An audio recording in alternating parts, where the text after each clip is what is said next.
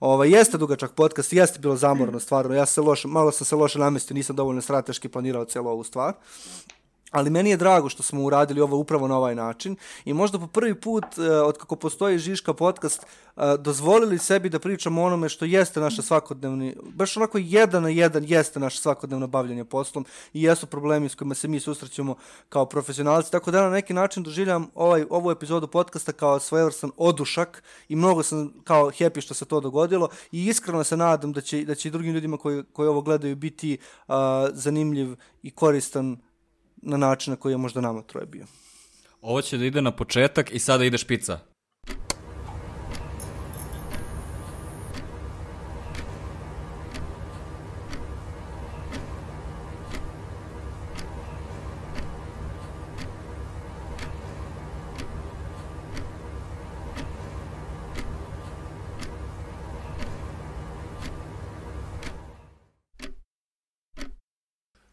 Zdravo svima i dobrodošli u uh, naš novi podcast koji će se baviti reklamiranjem u uh, doba korone, odnosno kako smo ga mi to drugačije nazvali.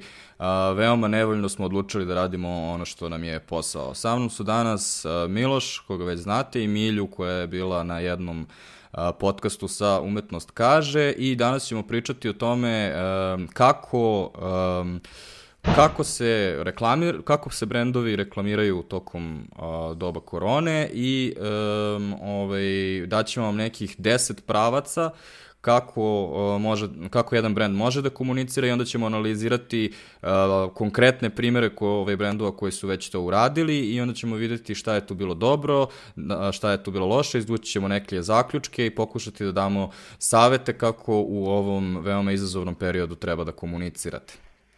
Um, pa prvo pitanje koje sam hteo da ovaj da pitam uh, vas dvoje, a to je zašto nismo odmah uh, ovaj rešili da uradimo ovo. Miloše. Pa u suštini mislim da bi neko kao brzo reagovanje u ovom slučaju bilo, um, ne bi bilo produktivno. Zato što u početku kada je krenula cela stvar da se dešava i kada su brendovi krenuli da komuniciraju, bilo je svakakvih ono ajde recimo pokušaja, izleta, uh, one-off kao uh, one-off aktivacije i sličnih stvari, a mi smo skontali već sada da će nam ipak trebati neka distanca, da prođe dve, tri, četiri nedelje, da možemo stvarno da uočimo paterne, da možemo stvarno da uzmemo vreme, da razmislimo o pozitivnim praksama, da pogledamo što više primjera, da na kraju krajeva i mi rešimo nekoliko kampanja u vezi sa ovim celim stanjem, pre nego što sednemo i krenemo da pravimo taj neki naš ono kao report, bio on zaista report u formi dokumenta ili report u formi jako dugog razgovora i da stvarno kao možemo da izgradimo o, ozbiljnu diskusiju na ovu temu. Tako da u suštini nije bilo toliko hitno da marketinški promišljamo i teoretišemo o celom ovom stanju prvih par nedelja, bolje sada kada to možemo da radimo kvalitetnije. Pa da, u suštini ako se sećaš i kad smo savjetovali klijente u tih prvih, uh, prvim nedeljama, um, ti nemaš na osnovu čega da daš neku vrstu um, reporta, odnosno nemaš na osnovu čega da tvrdiš bilo šta, ti možeš samo da daš šta je tvoje mišljenje, odnosno ovaj, kako ti misliš da će stvari ispasti. Ove, što ne bi išlo dovoljno daleko da bude kao univerzalno relevantno, jer kao što ćemo dosta pričati posle, ta mišljenja su uvek izvedena iz toga šta je svaki brend konkretno i šta, je, šta konkretno želi da komunicira i koja je konkretna situacija, što je u stvari način na koji moraš da uradiš svaku vrstu marketičke komunikacije, odnosno generalno mi se čuvamo bilo kakvih ono saveta koji važe onako uvek. Više smo u fazonu, svi saveti važe uh, uvek, ali kao i ne važe kada je ovaj, neki detalj ovaj, različit. Ja mislim da takođe postoji još jedna stvar, a to je da je u tom trenutku bilo važnije samo slušati, jer kao, ako ćemo da budemo potpuno, potpuno iskreni u trenutku kada je kriza kretala, reakcija većine brendova za koje mi radimo i generalno većine brendova koji se bave ovom tematikom oglašavanja, ta reakcija nije bila uh, od presudnog značaja. I sasvim je bilo okej okay da oni samo skromno kažu okej, okay, hajde da uzmemo nedelju dana da slušamo o čemu ljudi pričaju, šta ih brine, koje teme ih preokupiraju i da uzmemo nedelju dana da razmislimo o, ovaj, o tome kako mi možemo da doprinesemo, jer kao neće moj brand, ne znam, ono, čokoladice značajno, značajno u ovoj situaciji promeniti uh, sve jednim Facebook postom koji će biti real time. Znam da malo banalizujem, ali kao mislim da taj social listening ono kao bio jako, jako koristan tih prvih nedelja. Da, ali možda si naboji jednu poentu koja je, koja je dosta bitna, a to je da smo mi već u nekoj vrsti promenjene situacije. Znači, ogromna razlika između te prve nedelje i šta, novih, šta je bilo primjereno komunicirati i razlika između sada kada smo nekako svi već ono, potonuli u ka, ovaj, karantin i ovaj, izolaciju i ovaj, nekako se dozvoljava mnogo veća širina šta smemo da kažemo i šta, to šta je primjereno reći i šta je primjereno za jedan brend da priča. Po, mojim, po mojom nekoj proceni mi se nalazimo u trećoj fazi komunikacije krizne. Naravno, nemam nikakav dokaz za ovo, ali govorio sam o tome i pre par dana na na, na konferenciji Naučno-tehnološkog parka, da je prva reakcija bila uh, ok, ovo postoji, važno je da govorimo o tome da ovo postoji, da, je va, da se dešava da je bolest opasna, kao, to je ta awareness faza u smislu korone. Onda je usledila druga faza koja je bila, ovo je prevencija, važno je da se informišete o ovih konkretnih 10 stvari koje morate da radite i tu naravno prednjači stay home komunikacija kao jedna glavna krovna poruka. Međutim, mi se sad otprilike nalazimo već duboko u trećoj fazi koja je zapravo ok, ovo je sada život i bit će život neko vreme, hajde da pričamo o kvalitetu tog života.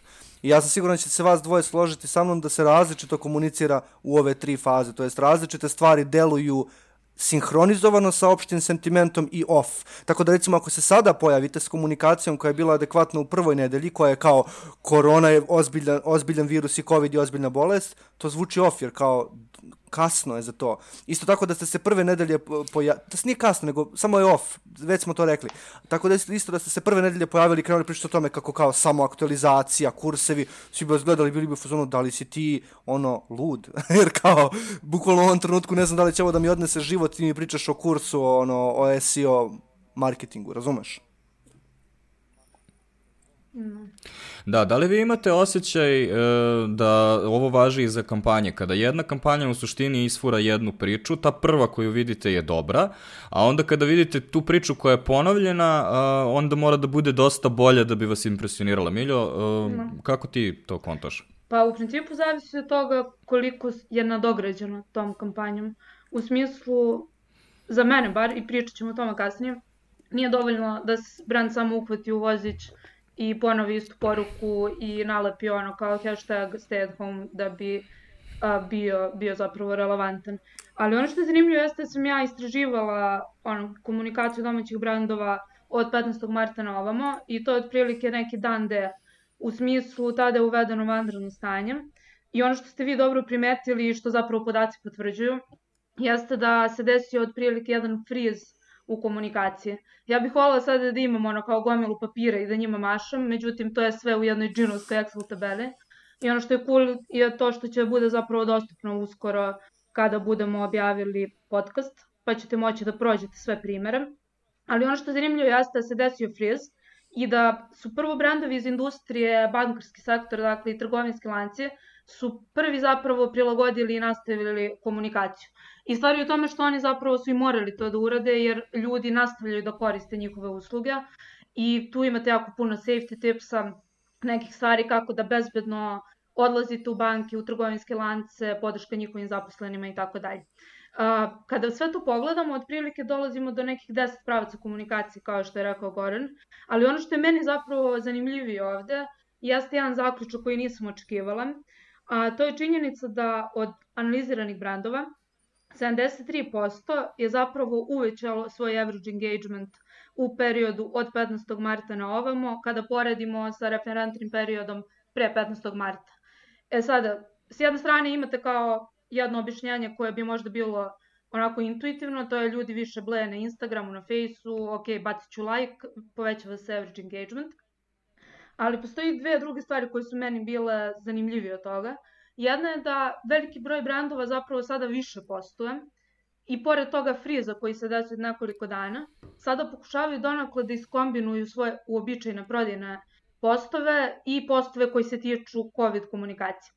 Ali mislim da je zapravo, možda i vi ćete sada da, da prodiskutovat ćemo to, da je možda a, činjenica da po prvi put u jako dugo vremena mi svi živimo u jako istom kontekstu. Dakle, svako od nas proživljava policijski čas, svako čeka red u maksiju, svako od nas ima verovatno povećan nivo anksioznosti neko pre. I brendovima je sada mnogo lakše da zapravo prepoznaju šta je taj kontekst. Znači, brže zapravo kapiraju u kom kontekstu svi živimo i zato komunikacija koja se dobro prilagodi tom novom kontekstu zapravo izaziva veći engagement. Jer lakše je sada komunicirati sa ljudima koji ono kao imaju manje više homogen način života. Jel se vama čini kao da je kontekst ovde zapravo ključni faktor? Da, uh, mislim da si, mislim da si u pravu, samo što mislim da naši gledalcima neće obavezno biti priča koju vi već znamo zato što smo ispričali ranije u agenciji, a to je da su ove generacije žive u različitim kontekstima, odnosno danas ako si um, ono, gaser ti uh, na, o, na online, ono, tvoje online prisustvo se odvija u jednom, ono, to se zove na engleskom mm echo chamber, odnosno ti imaš svoj krug ljudi koji pratiš i svoju, svoje vrednosti i svoje događaje koji su ti relevantni. Ja za stalno koristim kao primer e, koncert Bijelog dugmeta na Hajdučkoj česmi, gde nekako su svi bili na tom koncertu, ne znam kako su uspeli da se ono, naguraju ovaj, gore u tu šumu, ali kao svi su u fazonu, svi su znali za taj koncert. Kao zamislite koncert danas koji bi to bio toliko relevantan. Global kao, Citizen? Nemoguće. Šta? Global Citizen, da. A, misliš na ovaj Lady da, Gaga? Da live ide za milenijal. Da, da, ali Ja bih samo, znači, samo da utvrdim pre, znači šta je priča koju pričamo da se promenila, jer kao mislim da ljudi nisu ni svesni da, da ranije u stvari postoji to da danas ljudi žive u svojim nišama prvenstveno, a nemaju tu vrstu zajedničke kulture mm. i zajedničkog konteksta na koji brend može da se nasloni. I zbog to, to stvara veliki problem u klasičnoj vrsti komunikacije kada hoćete da pljusnete jedan TV spot, zbog toga što ste nekad mogli da se referirate na zajednički kontekst u tom TV spotu, a danas ne možete, a rešenje za to vam je digitalna komunikacija gde možete na različitim kanalima komunicirate različito. Što je ono, veliki problem kod većine brendova je da komuniciraju apsolutno na isti način na svakom kanalu i ono, imaju iste fore i to su ono, neka, neka vrsta optih mesta. E sad, kada sve to ovi smo objasnili, e onda se sla, apsolutno slaže sa tobom da smo sada konačno svi ono vraćeni ono hmm. nasilno, ali vraćeni smo u isti kontekst koji razumemo i sad svi razumemo u stvari iste fore. Ove, što može biti još jedan razlog zašto u stvari um, ovaj, ta komunikacija prolazi bolje. U stvari, ja sam... um, ovaj, kako sam... Uh, dodala bih još jedan razlog, koji je možda onako malo out there, ali sad mi je pao na pamet. Mislim da postoji taj moment personal brandinga na, mislim, postoji generalno moment personal brandinga na uh, digitalnim kanalima. I ovo je baš jedna stvar oko koje se svi slažu. Znači, svako od nas želi da pokaže podršku ljudima, esencijalnim radnicima, generalno svima koji se nalaze u ovoj situaciji.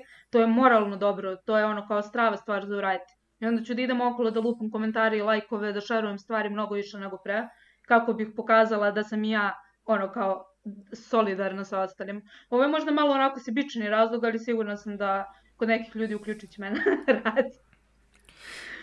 Da, ali mislim da dodatno postoji još jedna stvar, a to je da um, ovaj, u slučaju da vidiš komunikaciju koja nije, ovaj, koja je recimo već mhm. viđena ili koja je dosadna na neki način. Uh, mislim da bi ranije ljudi daleko pre uh, je na, ono, u komentarima rekli nešto negativno nego što će danas. Kao bez obzira ako ti mhm. izađeš kao ono 30. brend koji ono bez mhm. ičega ono bez ikakvog uh, pokrića pričaš o tome kako onako ono bravo za zdravstvene radnike i lekare na primer. Kao iako ne rodiš ništa povodom toga mislim da ljudi neće ne, regat, ne, ono negativno odreagovati ali mislim da će možda prevrnuti očima i neki ono imaće neki ono pasivni stav.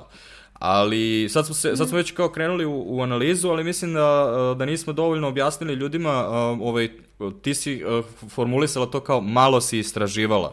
Kao, ajde da, da vidimo šta smo u stvari ovaj, tačno uradili, zbog toga što nas, nas uglavnom ljudi smatraju za one uh, lude kreativce koji samo dođu i lupetaraju ovaj, mhm. svašta, a ovaj, sada smo, pored toga što ćemo lupetarati svašta, i radili smo i neko istraživanje. Da, tako? iskreno, mislim, to malo zavisi od toga ono kao kako procenjujete Excel tabelu od 1 6 radova.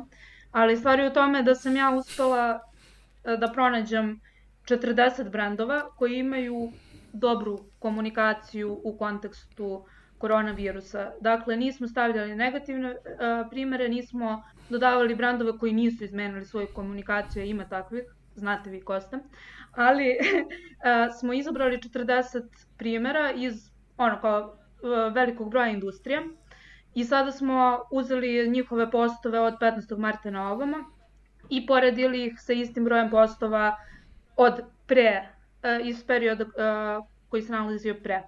Neki brandovi nisu potpuno posvetili svoju komunikaciju ovom kontekstu korone, tako da imate brandove recimo iz automoto industrije, iz uh, industrije sportske opreme, odeće i tako dalje, koji i dalje imaju svoju prodajnu komunikaciju. Međutim, najveći broj brandova jeste bar prilagodio u smislu da se fokusiraju sada na online prodaju ili na načine da bezbedno zapravo kupiš njihov proizvod ili uslugu. Tako da to je jedna tabela koja sadrži 40 domaćih brandova sa poređanim postovima iz sadašnjeg prethodnog perioda uz merenje engagementa, komentare kako se on promenio, i par zanimljivih grafikona za sve ljude koji baš vole statistiku. Uh, ono što ovaj, ti ono, kao, kao pravi ovaj, Gen Zeder ovaj, propuštaš jeste da u stvari smo analizirali njihove Instagrame, ovaj, ali to je kao, naravno, kao brand je njihov Instagram. Um, ali uh, šta je u stvari je ovaj, glavni zaključak ovaj, tvog istraživanja, odnosno Uh, mislim da je prvi, prvo pitanje koje su se svi brendovi zapitali je to šta ako ja sada komuniciram, da li će to biti primereno i da li, će, ono, da li ljudi reaguju negativno na to. I sad kao šta imamo kao neki zaključak o toj glavni, vrsti da, reakcije? Glavni zaključak je, znači pored toga što je pro, porastao average engagement, komentari su u najvećem broju pozitivni. I sada uvek vi imate ljude koji su ono, a zašto niste ovo ili ono, ali čini mi se da ih ima manje nego pre. I druga bitnija stvar, mnogo su ljudi aktivni, dakle imate više komentara i da neki od njih su negativni, ali ono kao postoje, diskusija se vodi i na neki način sada brandovi su sada u zadnjih recimo desetak dana pronašli načina da ispričaju svoju brand priču na kvalitetan način, a u novom kontekstu. I ono što je zanimljivo je da ovo nije kratkoročni kontekst. Dakle, ovo što se sada dešava neće nastati ni kada prođe vanredno stanje, za početak ono kao postoji dobra šansa da će se desiti drugi talas i druga bitna stvar jeste mi sada kreiramo nove navike. Dakle, ljudi koji pređu recimo na online banking, jam banking, verovatno će zadržati neki od njih te navike i kasnije. Ako razvijamo novi hobi ili novi način korišćenja tehnologije i to će se kasnije održavati. Tako da što pre brandovi razumeju novi kontekst i prihvate zapravo da će on biti dugoročan, to je veća šansa da i svoju komunikaciju prilagode novim okolnostima i da ono kao ostanu relevantni. Dobro, u svakom slučaju mi ćemo se još referirati mm. na to istraživanje, a sada hajde da pokušamo onako da damo jedan onako opšti savjet, odnosno prva stvar koju, ovaj, to je druga stvar koju ljudi pitaju je da li brendovi treba da se, da se povuku. I sad, uh, moj problem, ovaj, zašto mi kao agencija do sada nismo izašli i davali neku vrstu ono, opštih saveta je zato što mislim da smo u konfliktu interesa. Kao, mm.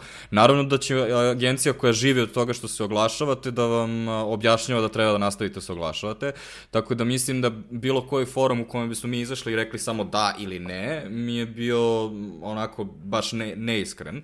Tako da mislim da je jedini način u stvari bio da napravimo upravo ovaj podcast i pozabavimo se ovaj, time. Kao sa jedne strane, um, postoje te statistike koje, uh, koje ljudi izbacuju sada više gledamo TV. Tipa, izašla neka statistika 33% više gledamo TV. Uh, World Economic Forum kaže da imamo 50% veći trafik, što znači da smo 50% više na internetu, ali i bez tih statistika mislim da svi možemo da se složimo da smo non stop blejimo na telefonima i non stop gledamo u TV. Ove, ovaj, međutim, to samo po sebi uopšte ne znači da treba nastaviti sa oglašavanjem, zato što pitanje je šta vi želite da prodate u tom trenutku.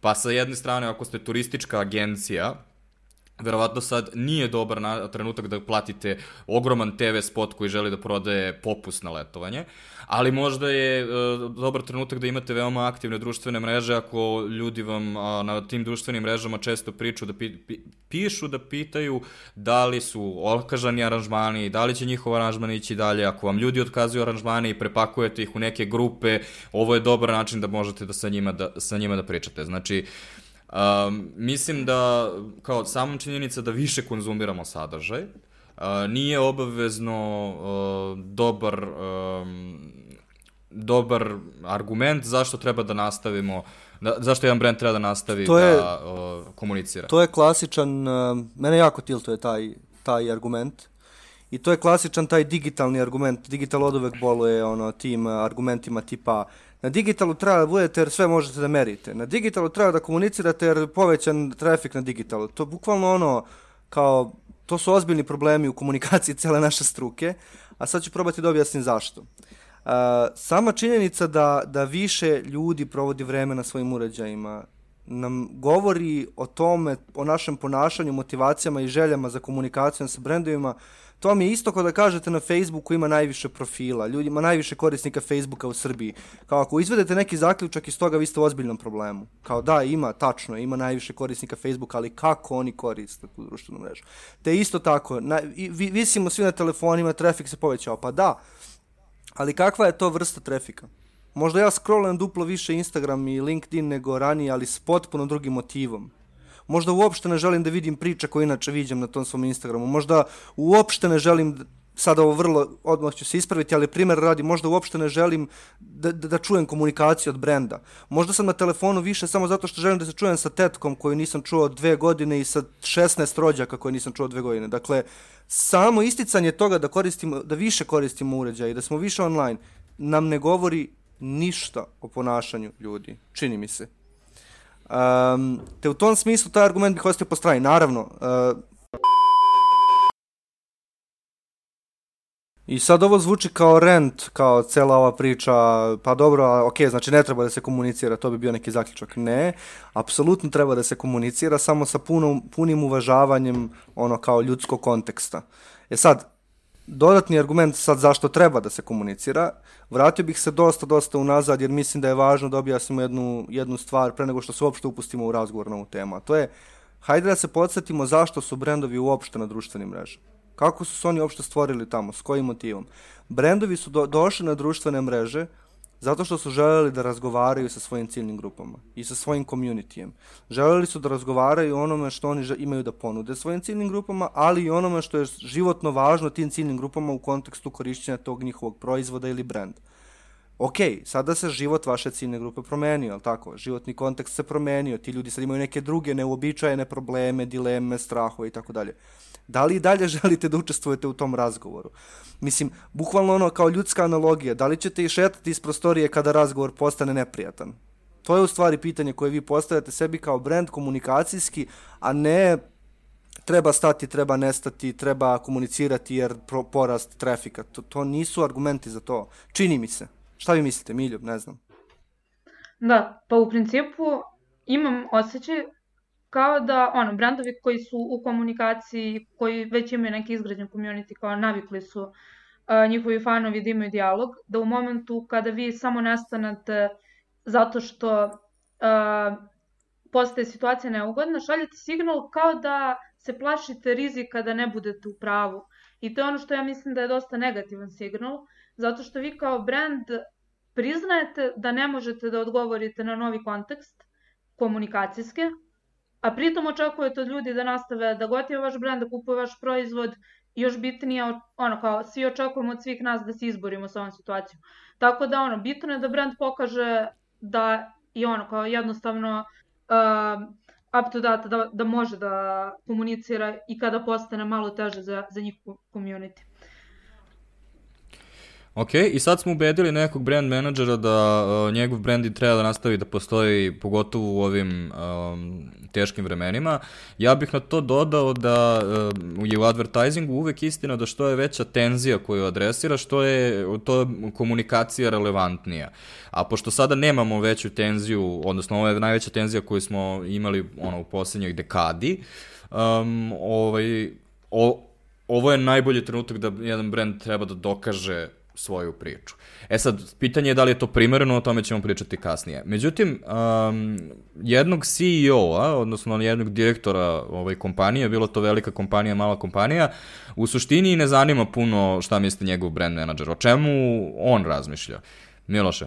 Mislim, Baš sam slušao Maju Marković pre, pre par dana i to sam pomenuo i ranije na jednom panelu gde je govorila, Maja Marković radi u Merkatoru. Um, uh, i u njihovom je marketing, uh, u marketing njihovom delu, nisam siguran koja je njena tačna pozicija, ali ona je pričala o tome koliko u stvari postoji nekakvih uh, ozbiljnih, ozbiljnih izazova s kojima se susreće njena kompanija, koji su svi iza zavese, to jest iza onoga što viđamo svakodnevno u komunikaciji. Samo je pomenula neke koji su meni jako otvorili oči, tipa od logističkih izazova, radnog vremena i mogućnosti da se što više ljudi dođe do proizvoda koji su im potrebni. Pa recimo, zamislite samo ovaj problem.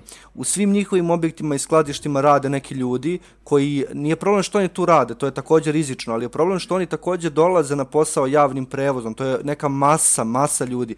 Dolaze na posao javnim prevozima, oni moraju smene da organizuju u, skladi, u skladu sa uh, karantinskim uh, odredbama, u skladu sa mogućnošću prevoza radnika. Razumete, to su stvarno van uh, vanzemaljski, za mene vanzemaljski veliki problemi.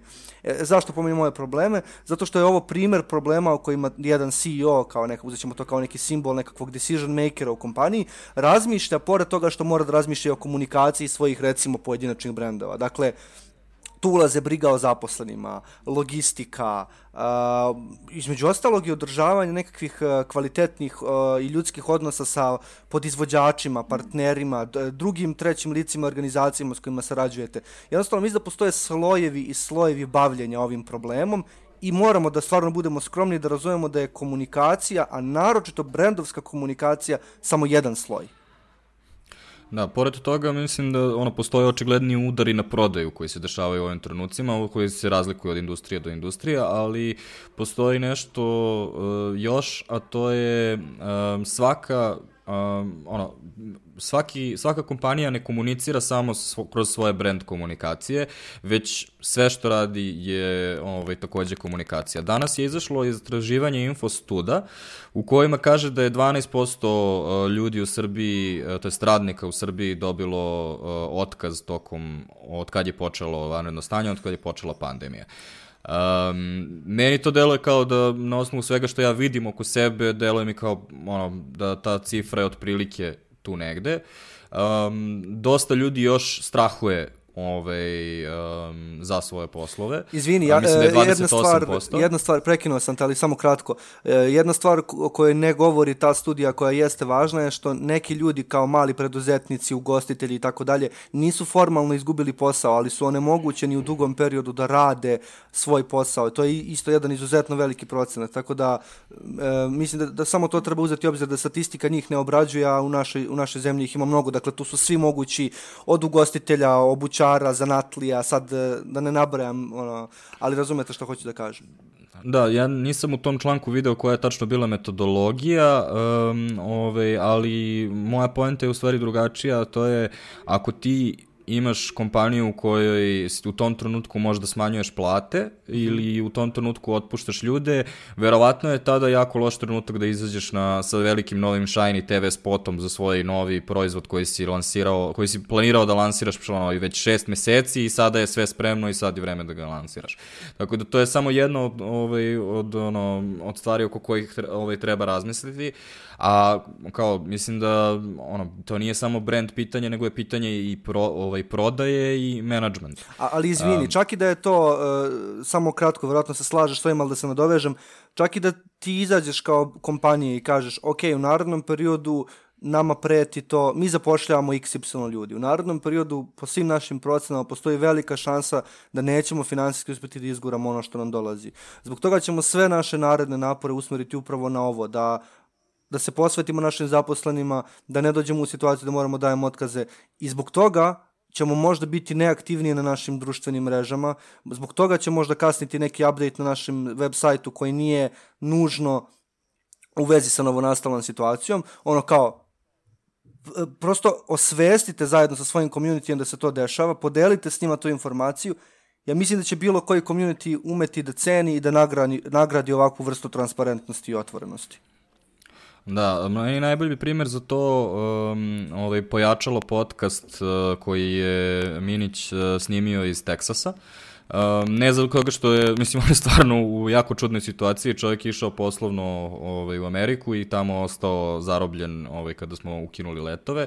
Kao, to je ono što, što, oko čega se vrti cela ta sad nova priča, zato što on priča iza garaže i tako dalje, ali ono što je u stvari, zašto preporučujem svima da, da odu i pogledaju taj podcast, zato što je jedini čovjek koga sam ja vidio koji je izašao javno i na veoma iskren način pričao o tome šta su bile teške odluke koje je morao da donese u svojim biznisima od kad je počela ova kriza, a to je ovaj, konkretno znači, razgovor sa nekim ljudima koji, s kojima je morao da se zahvali na saradnji. Um, mislim da je ono, jako osvežavajuće da neko uh, izađe i priča o negativnim stvarima u, u biznisu, um, zbog toga što ako se svi samo bavimo ovom kakofonijom pozitivizma u smislu uh, sve je super, hajde samo da nastavimo i tako dalje, ne dođemo na kraju do uh, stvarnih uvida, odnosno bilo, ček, bilo kakve korisne, uh, korisnih zaključaka vezano za komunikaciju. Ima fantastičan primer, Miljo, ti ćeš mi možda pomoći da ga, da ga imenujem. Jedan supermarket koji je uh, objavio, objavio da kao znaju da su u njihovom community ljudi dobili otkaze, pa onda naveo konkretne poslodavce koji su morali da daju te otkaze i onda izašli s konkretnom merom da, da nude tim ljudima uh, mogućnost da rade kod njih jer oni zapravo imaju povećan obim posla zbog, prosto zbog prirode industrije.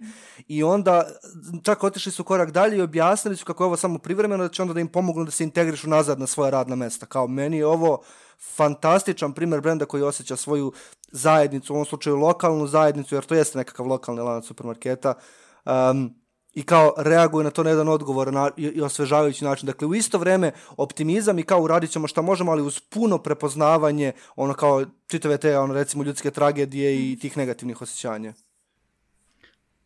Ja mislim da je Walmart to, ako nije njihovo, onda su verovatno pokupili tu kao, kao opciju, zbog toga što oni dosta zapošljavaju.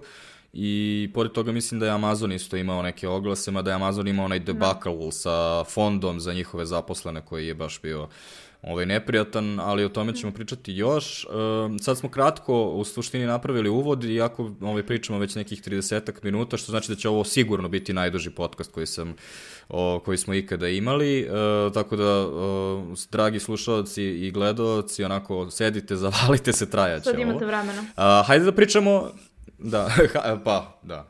Ove, Ali Goran da... koji ne kaže, bit će zabavno, bit će zbudljivo, spremili smo deset primjera, nego držite se, trajaće. Pa znaš ti mene, ja sam ono, ajde prvo da, da, ono, da, da vas pripremim za najgore, pa posle ako bude super, bit će vam lepše. Ovaj, ajde da pričamo o tome kako se ponešali, promenilo ponašanje potrošača na digitalu osim njihovih medijskih navika, osim toga znači što uh, sada više vise na internetu. Uh, Miljo, ti si, uh, ti si veoma, ovaj, veoma izolovala kao jako bitan faktor um, ovaj, grupe podrške, da. pa ako možeš malo više da ispričaš da, o tome. Da, pa ja sam pretpostavljena i dosta ljudi koji ovo slušaju uh, toliko učestala ono kao svoj kontakt sa familijom i prijateljima i širim krugovima prijatelja da otprilike imam kumulativno sad više kontakta ovih mesec dana nego od 2015. na ovamo. Znači, pored toga što imamo gomilu sport grupa koja je ono kao Viber, Whatsapp, Instagram, Facebook, Messenger, šta god, A, pored toga ima mnogo više šarovanja kontenta u tim grupama. U smislu, prosto sad već postoje neki running jokes ovog karantina. Da li ćeš osjeći šiške? Ja nisam još uvek, tako da se dobro držim. A, dan XY, radim to i to, šetanja do frižidera, priča sa imaginarnim prijateljima i tako dalje. Prosto postoji ceo taj korpus spora koji mi ono kao šarujemo, a pored toga povećano i šarovanje nekih korisnih informacija. Ako izađe članak koji objašnjava nešto dobro ili neko saopštenje, mi ćemo šarovati to kroz grupe i šarovat ćemo verovatno i na svojim feedovima. Pored toga, ono, ljudima je dosadno i više ono kao rade internet challenge-a, verovatno ste skontali i vi neke, pa je bilo ono kao okači post, zadržat ću ga samo jedan dan na svom feedu, a onda ću da ga izbrišam. Uh, gomila nekih challenge-a kada si bio klinac, kada si mogao da ideš napolje i tako dalje. Pored toga, meni je zanimljivo to što se stvara i novi vokabular, do duše više na engleskom jeziku, ali se stvaraju potpuno nove reči koje se ono kao tiču samo karantina. Naprimer, virtual happy hour, gde vi zapravo pijete svoj koktel, sad se ne vidi ovde, ali pijete svoj koktel ono u pet popodne. Karantini je naravno taj koktel koji pijete, onda koronijals kao generacija beba koja će izaći odavde. Generalno, čini mi se da ljudi više koriste content, šeruju, ali sa druge strane više ga konzumiraju u smislu streamova, podcasta, live koncerta, koncerta i tako dalje. Tako da ono, umesto da odete u drugstore u petak, slušate Mimi Mercedes i preko Zuma pijete kafu sa svojim prijateljima.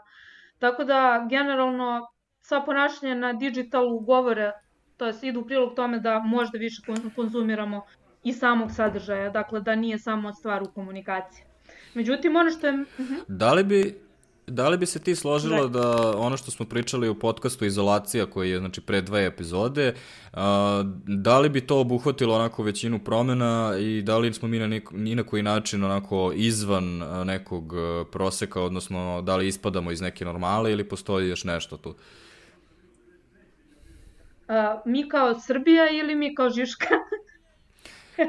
ne, mi kao Jelica, Jelica ja i uh, Miloš koji smo bili u tom podcastu, no. pošto većina stvari koje si rekla je onako, kao smo pokrili već uh, tamo, to ono, mimovi su drugačiji. Mm -hmm. um, ovaj, e sad, ono što, što je meni recimo baš mm -hmm. isto postalo očigledno, a ovaj, nismo pričali tada o tom podcastu, to je ta priča sa, um, sa grupama podrške i po, ovaj, ponovom okretanje uh, rodbinskim vezama i tako dalje.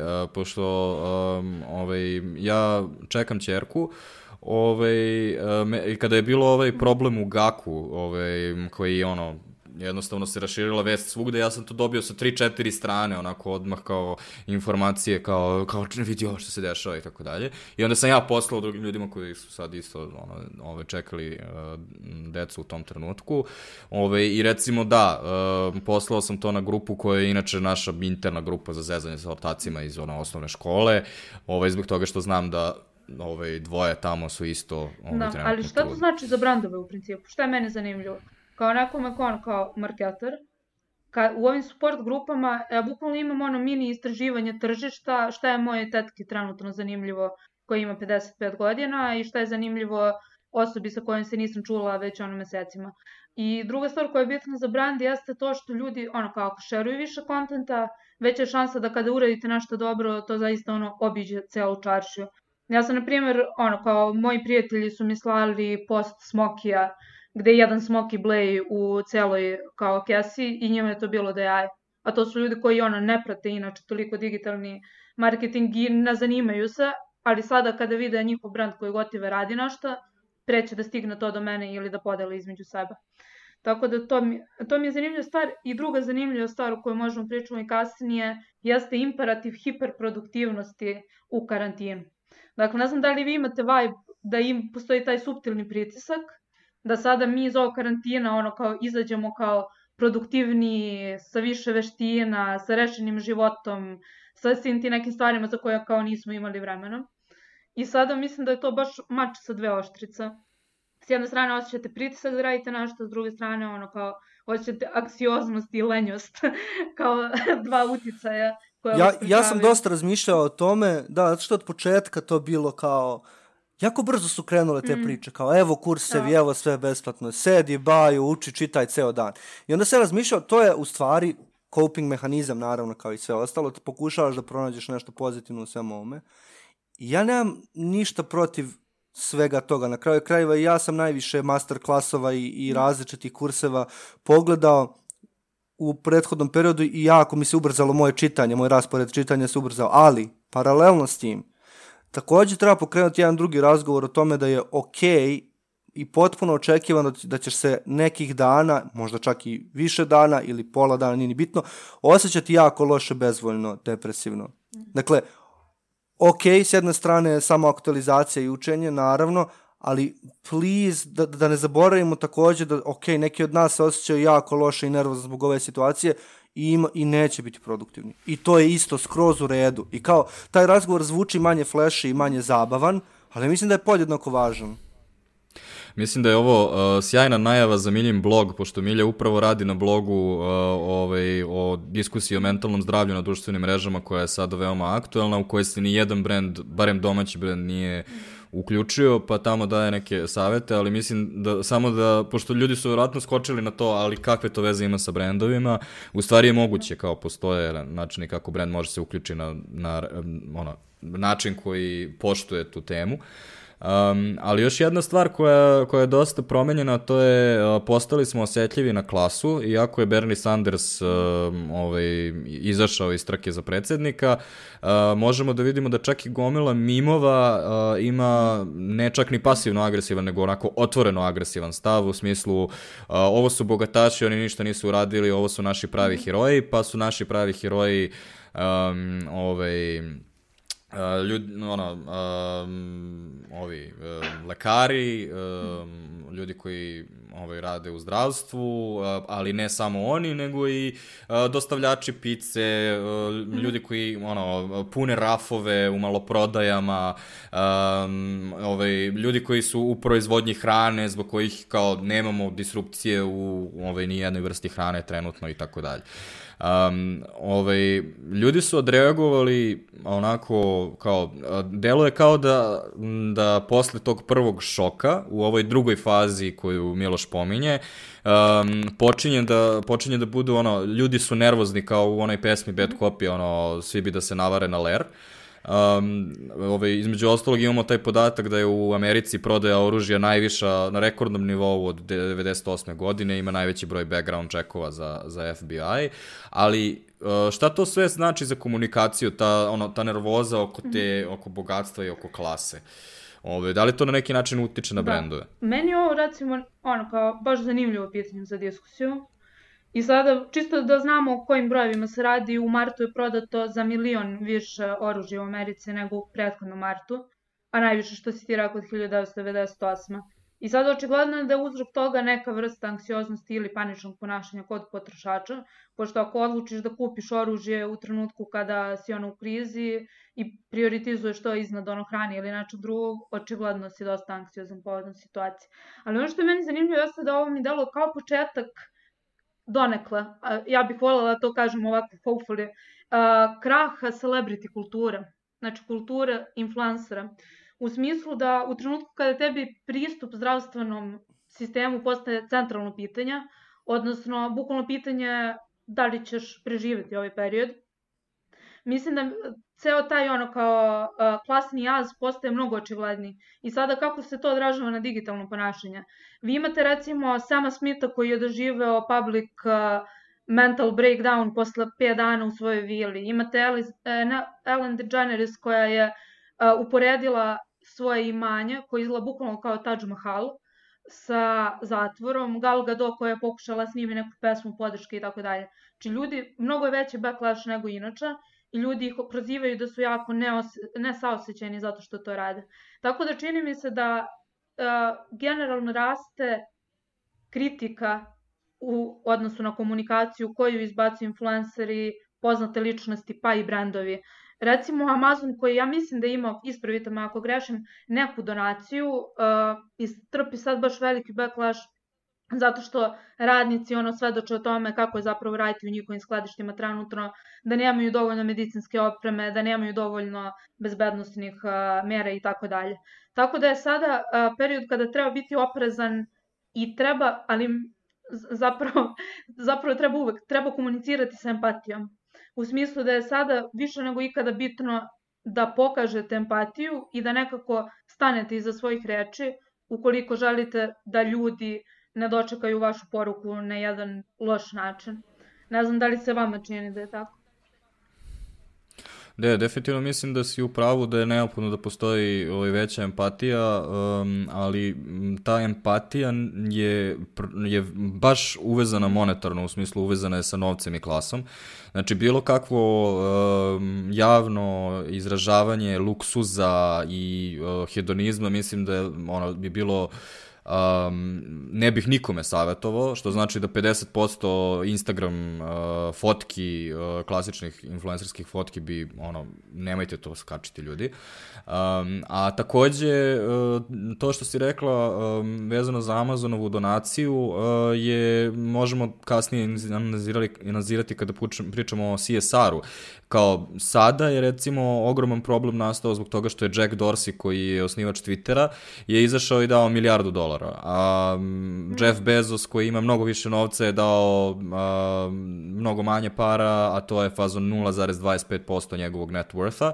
I onda kada imaš, kada imaš takav problem, onda su ljudi u fazonu stvarno Ove, tako da, ljudi su postali osetljiviji na, na ono što smo ranije puštali kao bullshit, onaj, um, o, ono, nema veze, ono, šta god, nek se zabavljaju, ove, on, on, na te prazne gestove su ljudi postali daleko osetljiviji sada, zbog toga što um, će klasa, i ovo, ovo preti da postane još akutnije, ne znam da li ste ispratili da u poslednje vreme e, postoji uh, izlaze statistike da um, korona u stvari različito uh, utiče na uh, različite rase i na različite klase u, u Americi.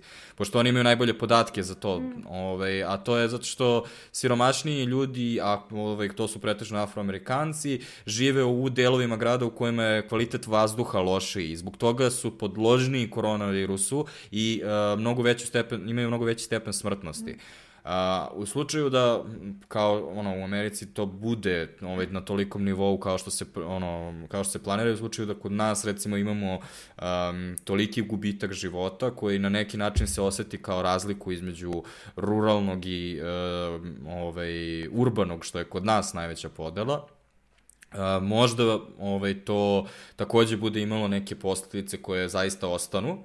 Ovaj, mm -hmm ali u svakom slučaju u ovom trenutku i u dogledom periodu bismo ljudima savjetovali definitivno da ono budu više da više paze na na to da. šta pričaju sa em, ono šta, ako na bilo koji način koriste influencer ili na koji bilo koji način pokazuju um, ovaj bilo koji Da, meni je samo zanimljivo to što smo mi zadnjih pet godina proveli, to jest mi, influenceri i poznate ličnosti su zadnjih pet godina provele tvrdeći kao we're just like you, mi smo potpuno isti. Taylor Swift koja je ono kao play svojim macama, iako živi ono kao u učenovskoj gajpi i ne znam šta sve radi. I onda kao dođe kriza koja je zapravo prva prava globalna kriza od 2008. I to samo kao nastana. Bukvalno nismo isti. Sada je vrlo jasno koliko nismo isti. Tako da, meni je, ne znam, dobar mi je signal i ono kao srećena sam što zapravo to ulazi u neku javnu svest zato što mi se čini da će, evo, da se zadržimo digitalnom advertisingu, saradnje sa influencerima nakon ovoga biti, čini mi se, promišljanije, smislenije i da će generalno imati u vidu i ovaj kontekst koji je klasni kontekst koji, nažalost, ne uzimamo dovoljno u obzir. Tako da može imati dobro. Ja mislim da ja imam utisak da je u, na našem tržištu, znači kada god imaš period ekspanzije kao što smo imali 10 godina ekspanzije posle 2008. odnosno 2010. kada je drugi dip recesije mm. ovaj, završio, kao ti imaš određene mehure koji se stvaraju. Uh, ovaj, zbog cena koje su influenceri naplaćivali, budžeta koji se slivao ovaj, u, u, u sradnje sa influencerima, ja sam poprilično ubeđen da da je mhm. influencersko tržište bilo mehur koji se stvorio unutar advertising tržišta. Ono što je problem sa mehurima je kada se desi kriza, mehuri prvi pucaju, odnosno mislim da će, uh, zbog toga što su kompanije smatrale influencer saradnju kao onu višnju na šlagu i zbog toga što su toliko novca uh, ovaj, odvajali na to, mislim da će to biti prva stvar koja odlazi ovaj, tokom, uh, tokom krize i da će to biti prvi luksus koji oni sebi saseku i da će influenceri biti recimo daleko, ovaj, daleko teže udareni od, nego što smo recimo ovaj, mi kao agencije. Um, ali šta je da pokušamo sada da idemo dalje po, po industrijama, znači kao u zavisnosti od industrije različiti su odgovori. Očigledno je da turizam neće imati sezonu, mada postoji i ta, i i ta logika da će ljudi sada kada izađu iz izolacije ustvarati poželeti da odu što dalje od kuće i da odu negde da se odmore i da izluftiraju glavu. Luksuzne brendove uh, ovaj, niko ne kupuje, um, ovaj, svi automobilski uh, brendovi uh, padaju uh, sa kupovinama, ali recimo uh, imamo gomilu pre, uh, primera i globalno i lokalno da automobilski brendovi nastavljaju sa komunikacijom. Stanovi su, cene stanova su u padu i potražnja je u padu, ali opet to ne znači da neki real estate developer, odnosno ovaj, firma koja gradi, treba da prestane sa komunikacijom, pogotovo ako su ljudi neki već kupili stanove koji treba da se izgrade i kao treba ih ubeveštavati dalje kako napreduju radovi. Mislim da su ti ljudi najzabrinutiji zbog toga što je stan jedna velika stvar u životu i da treba da, či, ono, da redovno dobijaju izveštaje da, da li se nastavlja sa gradnjom, da li se gradnja nastavlja istom, um, istim tempom i tako dalje. Onda imamo i obrnutu situaciju, pričali smo o Walmartu, imamo Lidl, Maxi, Ideu, Mercator, uh, koji u suštini imaju povećanje prodaje, koji je izašao neki tekst da imaju oko 20% povećanja prodaje u maloprodaji, što znači da ovi, znači da malo prodajni lanci bi definitivno trebali više da komuniciraju. Miloše, da li bi se ti složio sa time? Slučajno se namestilo tako da njihova komunikacija mora da se intenzivira ne zbog rasta prodaje, nego zbog uh, važnosti nekoliko dimenzija njihovog biznisa za ljude. Znači, oni uh, svakako zadržavaju tu svoju osnovnu komunikaciju koju mislim da je ok da zadrža, vratit ću se na kraju na nju, a to je kao šta imamo od proizvoda. Na kraju krajeva ne mislim ni da je degutantno da komuniciraju nekakve popuste, ban, bundles, ne znam kako se to zove u, u toj industriji, ali hoću da kažem neke dilove za, za ljude, ali oni pored toga moraju da komuniciraju gomilu tehničkih stvari poput rasporeda uh, radnji, radnih mesta. Pa naravno da podižu awareness o tome Postoji čitava ta jedna jako kompleksna tema kako se pravilno ide u prodavnicu danas. Ne znam da li ste se vi toliko susreli s tim, ali otići danas u prodavnicu na, na adekvatan i bezbedan način, vratiti se kući, raspakovati proizvode i, i srediti se, nakon toga uopšte nije jednostavno. Dakle, oni imaju odgovornost, m, mogli bi se reći, da komuniciraju i ceo taj proces i da edukuju u tom smislu. Uh, Um, tako da ono, pa sad gomila procedura vezanih za samo boravljanje u njihovim radnjama, radna vremena radnji, uh, odnos prema zaposlenima u logistici, odnos prema zaposlenima na kasama. Uh, ako se sećate, u jednom momentu je bila ta jako zanimljiva vest da su napravili one plastične zaštitne pregrade, čini mi se, ne znam da li u svim ili u nekim Merkatorovim radnjama, dakle, samo probajte zamisliti, to, to, to zvuči kao mikro stvar. Dakle, da, da ti možeš da objaviš da si napravio te plastične pregrade, ali zamislite ceo posao i logistiku iza toga da se to ono kao proizvede, implementira, testira, sa nadležnjima dokaže da je, to, da je upravo to najbolji način da se to reši. Razumete što hoću da kažem? Tako da, svakako, uh, svakako ta industrija ima toliko toga da iskomunicira u ovom periodu. I sad da se vratim na početak svega da sam pomenuo one popusti i ostalo, mislim da u kontekstu svega toga nije, čini mi se da opšti sentiment je takav da nije degutantno, neprijatno, oportunistički, nazovite to kako hoćete, da takođe komuniciraju svoju ponudu. Jer ta ponuda se takođe promenila, ljudi su toga svesni, e, svesni tih promena i, i znači im informacije čak u tom smislu. E, to može da bude takođe komunikacija raspoloživosti. Mislim da to još uvijek nismo videli u, u, s dobrim razlogom u mas mediji, zato što bi verovatno komunikacija raspoloživosti izaz, u, u nekom smislu izazvala lančani efekat možda panike i skroz neka čudna ponašanja, ali kao, meni je bilo zanimljivo kao tema za razmišljanje. Ovaj... Mislim da je takođe zanimljivo, ovaj, uh, sećate se one cele priče kako je kraj advertisinga više ništa što stavljate kao brand komunikacije nije nije u stvari relevantno, treba da radite konkretne stvari, uh, pa je onda primer za to bio ovaj City Bike ili onaj uh, zapoz uh, neki, neke kutije. Um, i sad u suštini uh, ovaj period je um, tur, ona, ima jako puno prilika za tako nešto, znači čak i to podizanje tih plastičnih panoa uh, je u stvari neka vrsta brand komunikacije, zašto signalizira da, ta, da su to ovaj, da su ti, da ti brendovi brinu o svojim zaposlenima i takođe o, o, ove, o kupcima. O, ovo inače um, važi i u periodu, uh, kako bih rekao, potpuno default periodu uh, brendovi mogu da komuniciraju samo o temama o kojim, u kojima imaju autoritet, u kojima je njihov autoritet očigledan ljudima koji ih slušaju. I sad, ovo će zvučati jako kao filozofski, ali hajde da uzmemo primer koji je, ja, koji je najneprijateljski nastrojen prema ovoj moje poenti. Recimo, uzet ćemo primer kako recimo jedan proizvođač grickalica zašto komunicira o gledanju filmova. Na prvi pogled ta veza nije očigledna, ali ako uzmete u obzir da se taj, ta kompanija koja proizvodi grickalice uh, decenij, godinama ili možda decenijama bavi ljudskim ponašanjem u konkretnom occasionu provođenja vremena kod kuće, u, trenucima razonode, e, zabave, gledanja stvari, druženja i tako dalje. Pretpostavka je da su oni jako, jako istražili celu tu stvar da imaju neka znanja o tome. I zbog toga kad vidimo post nekih, recimo, grisina koji nam pričaju o gledanju filma ili binđovanju, to ne deluje jako off. Imamo neki čudan instinkt da, da ti ljudi imaju pomalo autoriteta da govore o tim stvarima. E sad uzmite obzir da sam uzeo najgori primer za moju poentu, sad uh, uzet ću dobar primer za svoju poentu. Znači, zamislite koliko danas autoriteta imaju ovi brendovi koje smo malo prepominjali, koji, koji se recimo bave um, malo prodajom ili FMCG, uh, FMCG industrija, koliko oni u stvari sa prvih tih frontova dobijaju informacije i koliko novih znanja i koliko u stvari potpuno opravdana njihova ono pojačana komunikacija. Mene to na neki način kao o, o, ko, s komunikacijske i profesionalne strane jako inspirativno. A juče nas je na, jedan čovjek pitao na, um, na panelu uh, koji ima apoteku u Hrvatskoj i rekao je da li treba da nastavim sa komunikacijom kao i ranije, komuniciram svoju ponudu i činjenicu da postojim već 20 godina.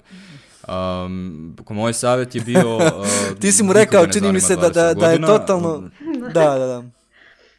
Ovo je COVID-19. Nikoga ne zanima 20 godina, znači to... Ove, ovaj, a, a dalje um, ovaj, treba da nastavi sa komunikacijom i ako, ono, trebalo bi da bude veoma direktan u smislu Uh, pošto on kaže da njegova dostava radi, da on može da dostavlja stvari iz apoteke, rekao kao da, to treba da, da komuniciraš eksplicitno, ali ne samo da to komuniciraš, nego to treba i da dokažeš, zbog toga što se pojavljaš na Instagramu gde dva, ono, 200 ljudi pokušava da mi uvali nešto što ono, pokušava me prevari na neki način, kao ti slikaj ako si ono, iz Vinkovaca, slikaj uh, da je tvoj paket stigao u Karlovac, zamoli čoveka koji je iz Karlovca da se slika sa tvojim paketom i okači to i kaže evo stiglo, stigo je paket za jedan dan.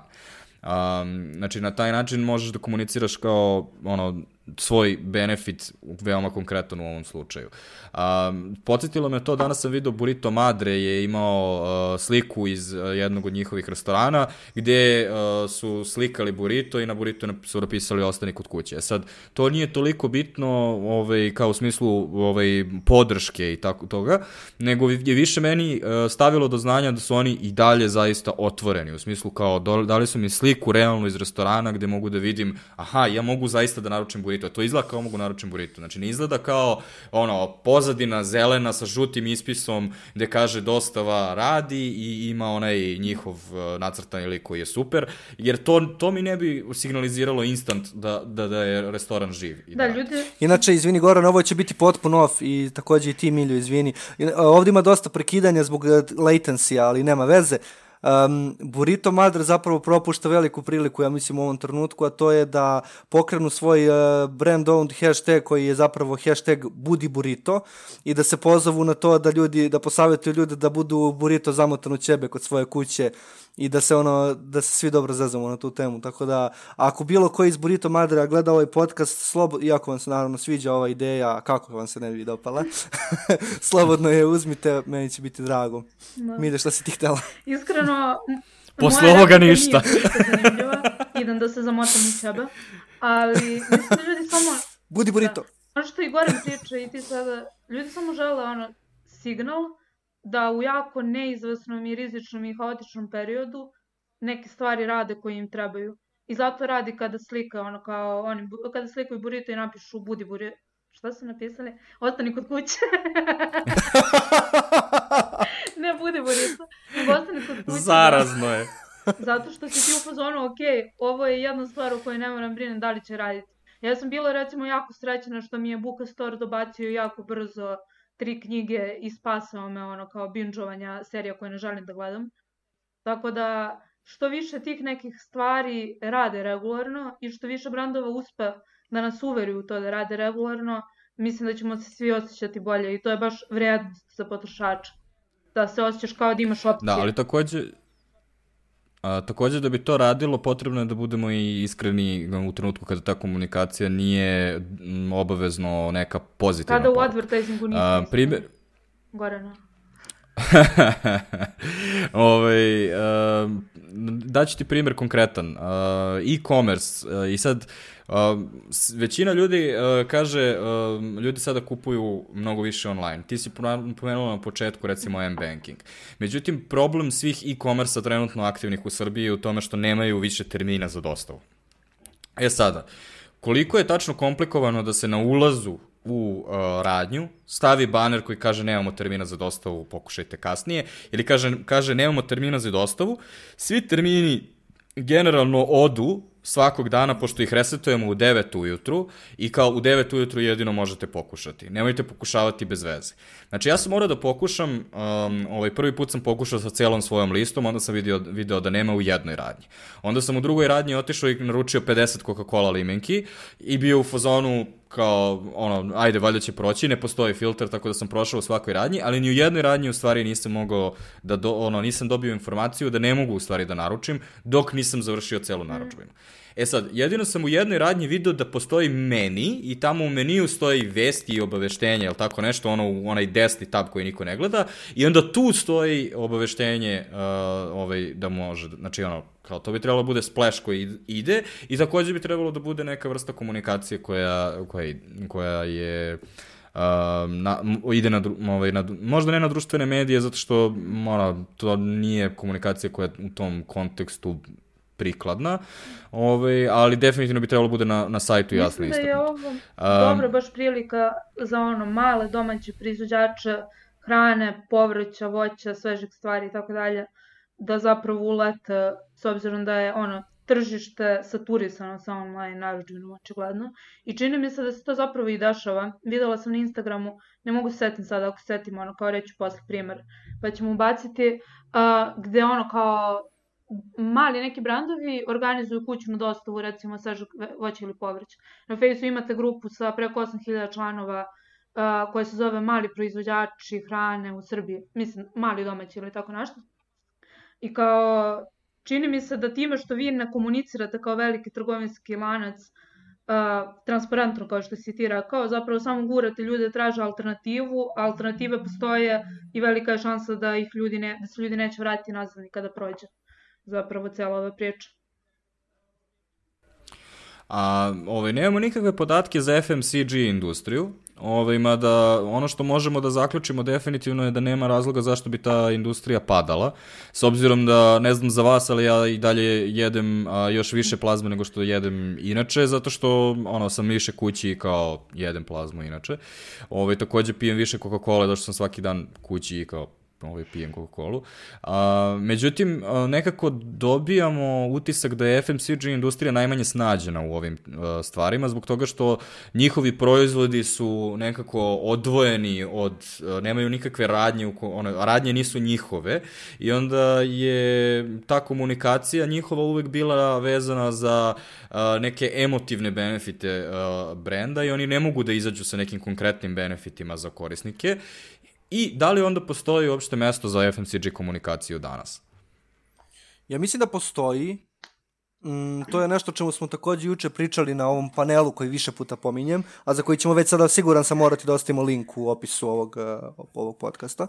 Um, ukoliko je neki brand bio, recimo brand iz FMCG industrije i pre perioda korone i samoizolacije, ono, iskreno i relevantno komunicirao sa svojim ciljnim grupama o stvarima koje njih interesuju, ukoliko taj brand sada nastavi to da radi, to neće izgledati off, meni se čini. I u tom kontekstu video sam neke, neka oglasna rešenja, pada mi na pamet plazma koje ćemo se verovatno do, dotaći kasnije, o, delovalo mi je iskreno i ljudski i fino, kao to neko prepoznavanje da smo u toj istoj situaciji i tako dalje. Razni drugi FMCG brendovi su takođe E, čini mi se uspeli u da. tome. Ja mislim da ima prostora, dakle, ali nema prostora ukoliko govorimo o brendu koji nikada zapravo se nije bavio zaista svojom ciljnom grupom i nikada zaista nije imao pretenzije da razgovara s njima o stvarima koje su relevantne i prisustvo tog brenda online je uvek bilo transakcione prirode, to su oni brendovi koji se pitaju da li će delovati oportunistički kao ako ovo uradimo. Ukoliko uopšte postavljate sebi to pitanje, verovatno da. Mm, pored toga, meni se čini da generalno imate sada i nove, nove vrste occasiona. Znači to što si ti rekao, jedeš sada plazmu više nego pre. I ja recimo ću sutra mm -hmm. pokušati da napravim tortu, iako to inače ne radim. Ono, bože pomoze. Ali poenta je u tome... Če, čekaj, čekaj, zaustavi, zaustavite podcast. Šta? Ti ćeš da uradiš šta? Probat će napravim tortu sa plazmom. Milja Šijakinjić će da kuva. Plazma da. tortu. Da. Pa, Joj, Ali bože, poenta... poenta... Ovo, ovo je vredilo. poenta u tom... O, o, cela, cela ova izolacija, ja bi, ja bi inače da ste me pitali, ja bi četiri nedelje sedeo u kući samo da vidim Ilju kako Da, kuva. ja inače kuvam, samo ne pravim tiše. je... Gorane, ne poznajemo se dovoljno i nismo prijatelji, da li je to moguće, ja tek saznajem na podcastu. se.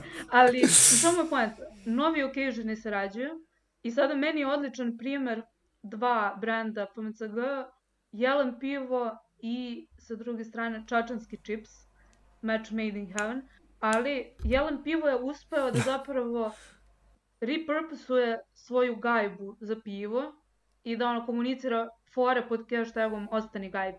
Meni je to jako dobra fora. A pored toga Čačanski čips komunicira occasional koji su sada samo pojačani, na primjer filmski maraton, pa treniram za maraton, tačka, filmski maraton.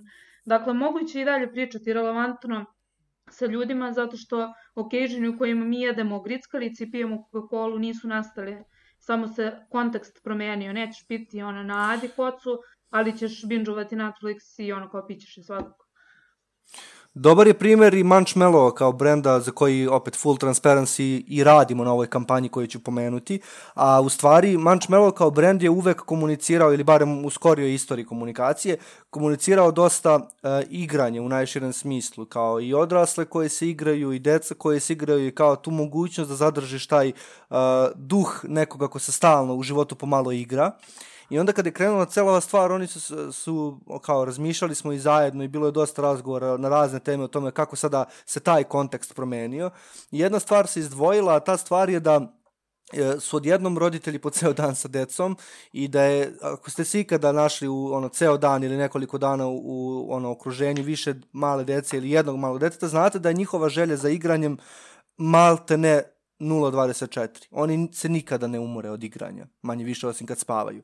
I onda je Manč bio u fazonu kao, ok, ovo je za roditelje jako izazovno, možda možemo da pomognemo roditeljima da se bolje, kvalitetnije, uspešnije, lakše igraju sa svojim decom. Ovo je realan problem u kojem mi možemo da doprinesemo. Mi jesmo neki eksperti za igranje, znamo ponešto o igranju i o celom tom duhu. I onda su krenuli s tom celom svojom kampanjom on, ona je već sada live na društvenim mrežama koja se zove Mala plava knjiga, gde u stvari pokušavaju da skupe od community ali i od raznih stručnjaka koji se bave pedagogijom i kao razvojem dece, pokušavaju da skupe uh, zbirku, prvu community made zbirku dečjih igara koje roditelji mogu da se igraju sa decom u kući, a da im za to nije potreban manje više ni jedan komercijalni proizvod.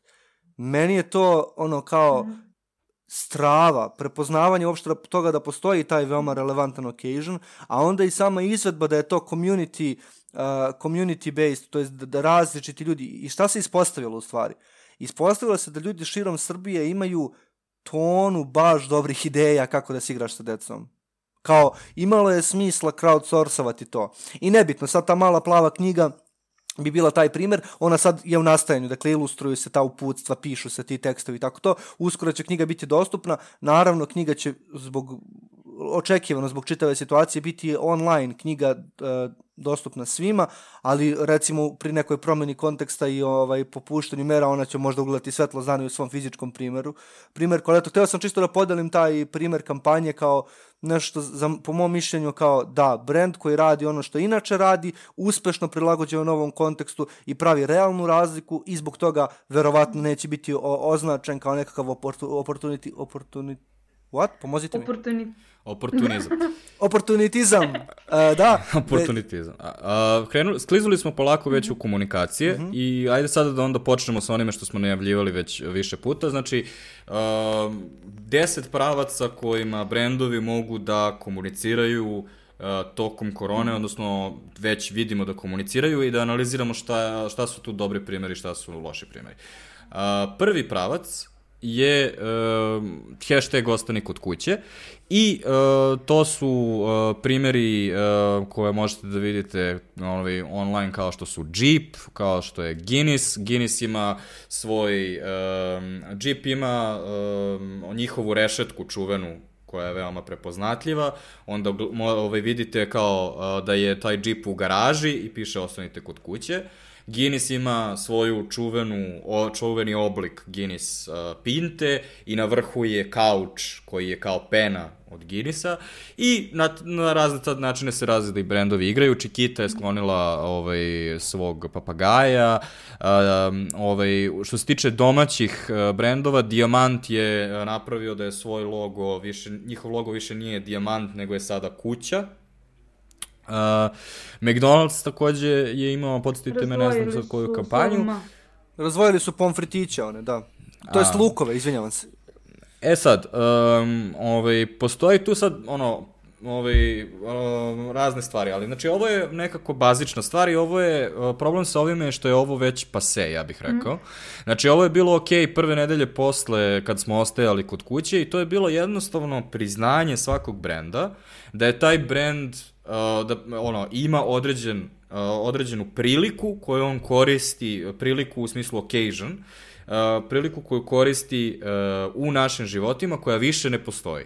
Uzmemo za primjer recimo bilo koji brend koji, uh, koji, komunic... koji je vezan za žurke kao što je Gurana Black ili kao što je Miller ili kao što je Tuborg. Znači, prva stvar koju su oni prve nedelje trebali da urade je uh, nema žurke, što je recimo ono lik koji je spreman za žurku, ovaj stoji, ovaj konzumira taj proizvod koji je za žurku sam i kaže nema žurke, vraćamo se kada izađemo iz, iz izolacije. Kao to je bilo ono jednostavno priznanje da se trenutno ostaje kod kuće. E sad problem koji ja vidim sa ovim pristupom je u tome što mnogi brendovi to i dalje pokušavaju da furaju i u fazonu su e, ostani kod kuće, ostani kod kuće, a kao ti si u fazonu da, tebra, već četiri nedelje sam kod kuće, kao ne, ne treba sad ti još da mi, ono, da mi drobiš o tome. Da li vi vidite, šta vi mislite o ovom pristupu? Ja bih samo mislim da postoji ono pravi način da se ovo radi i da postoji manje pravi način da se ovo radi. I sada uh, slažem se sa tobom da ono kao ako samo lepiš ostane kod kuće i ne menjaš nikakvu komunikaciju, to nije dovoljno. Međutim, ja mislim, ono, baš sam analizirala dosta ovih primjera i čini mi se da najbolje rade brendovi koji su radili nešto što je kontraintuitivno prodajno logice. I sada za mene su dva najbolje brenda Volvo, koji recimo menja svoj slogan koji postoji decenijama u to da najbezbednije mesto više nije biti u Volvu, nego kod kuća. I Burger King iz, Be iz Belgije koji je ono kao promijenio natpis na svojoj zgradi fizičke, pisalo je pre Home of Whoppers, a sada piše Stay Home i sklonili su slova ili su ih precrtali. Dakle, to su brandovi koji idu protivno prodajnoj logici, i zato deluju toliko iskreno čak i kada pričaju ostani kod kuće što pričaju i svi ostali. Ako ti samo nas ostaviš ostane kod kuće nije dovoljno. Coca-Cola sa razdvajanjem slova isto bila jako cool primer na samom, ali to je bilo jako cool zašto se desilo jako rano. Znači desilo se pre nego što smo mi zapravo ušli u neku drugu fazu komunikacije. Da, da sada, je zanimljiv. Mm, samo puko to, ponavljanje to je... tih kao dizajnerskih, pošto bilo je u početku nekoliko tih manipulacija logoa, i neke su bile jako uspešne, ali sad puko ponavljanje, sad, sad hajde nek svaki brend napravi a, ovaj, a, verziju logoa sa razdvojnim slojima i tako dalje, jednostavno dolaze do zamora materijala, ali to je isto kao što uvek mi pričamo o našoj industriji, kao ovo je baš priča o kraftu, kao ti možeš stay home da kažeš na mnogo, mnogo, mnogo različitih kreativnih, vizualnih ili copywriterskih kao tretmana možeš imati na tu temu. Tako da hoću da kažem, ono, da, na momente deluje kao da se svi samo ponavljaju i ne, zato što i dalje poneko uspeva da uradi nešto baš cool mm. i kreativno, ali to je sad više cool i kreativno na nivou krafta, na nivou veštine da. za nas marketare, nego što mislim da je suštinski kao sad ono game changer za, za industriju ili za ljude. Ali nešto što ljudi e, definitivno registruju jeste kanal na kome se to objavljuje. I sad, e, jako zanimljivo, e, Milja je već, e, Milja je bila smislila kod nas interno ovu ideju za razdvajanje slova Coca-Cola, a onda smo je videli na Edviku da je neko to isto smislio i postavio na, e, u Njujorku na ovaj glavni trg i na ogroman billboard. Um, međutim, to bi bilo fundamentalno različito primljeno da se postavi na Instagram, gde ljudi su u fazonu, ok, čovjek, oni ljudi imaju svoj Instagram, običan i potrošači nemaju još uvek svest da taj Instagram takođe nešto košta. Um, nemaju ni mnogi brand menadžeri, ali kao, to je druga priča. Uh, ali kada ljudi vide ogroman billboard ili vide TV spot koji ste vi platili da se vrti, onda drugačije primaju taj kanal nego što primaju neke druge kanale. Ove, ovaj, dobro, da li neko ima još nešto da kaže za onda ovaj prvi hashtag ostani kod kuće? Miloše, ti si samo se nadovezao na milju.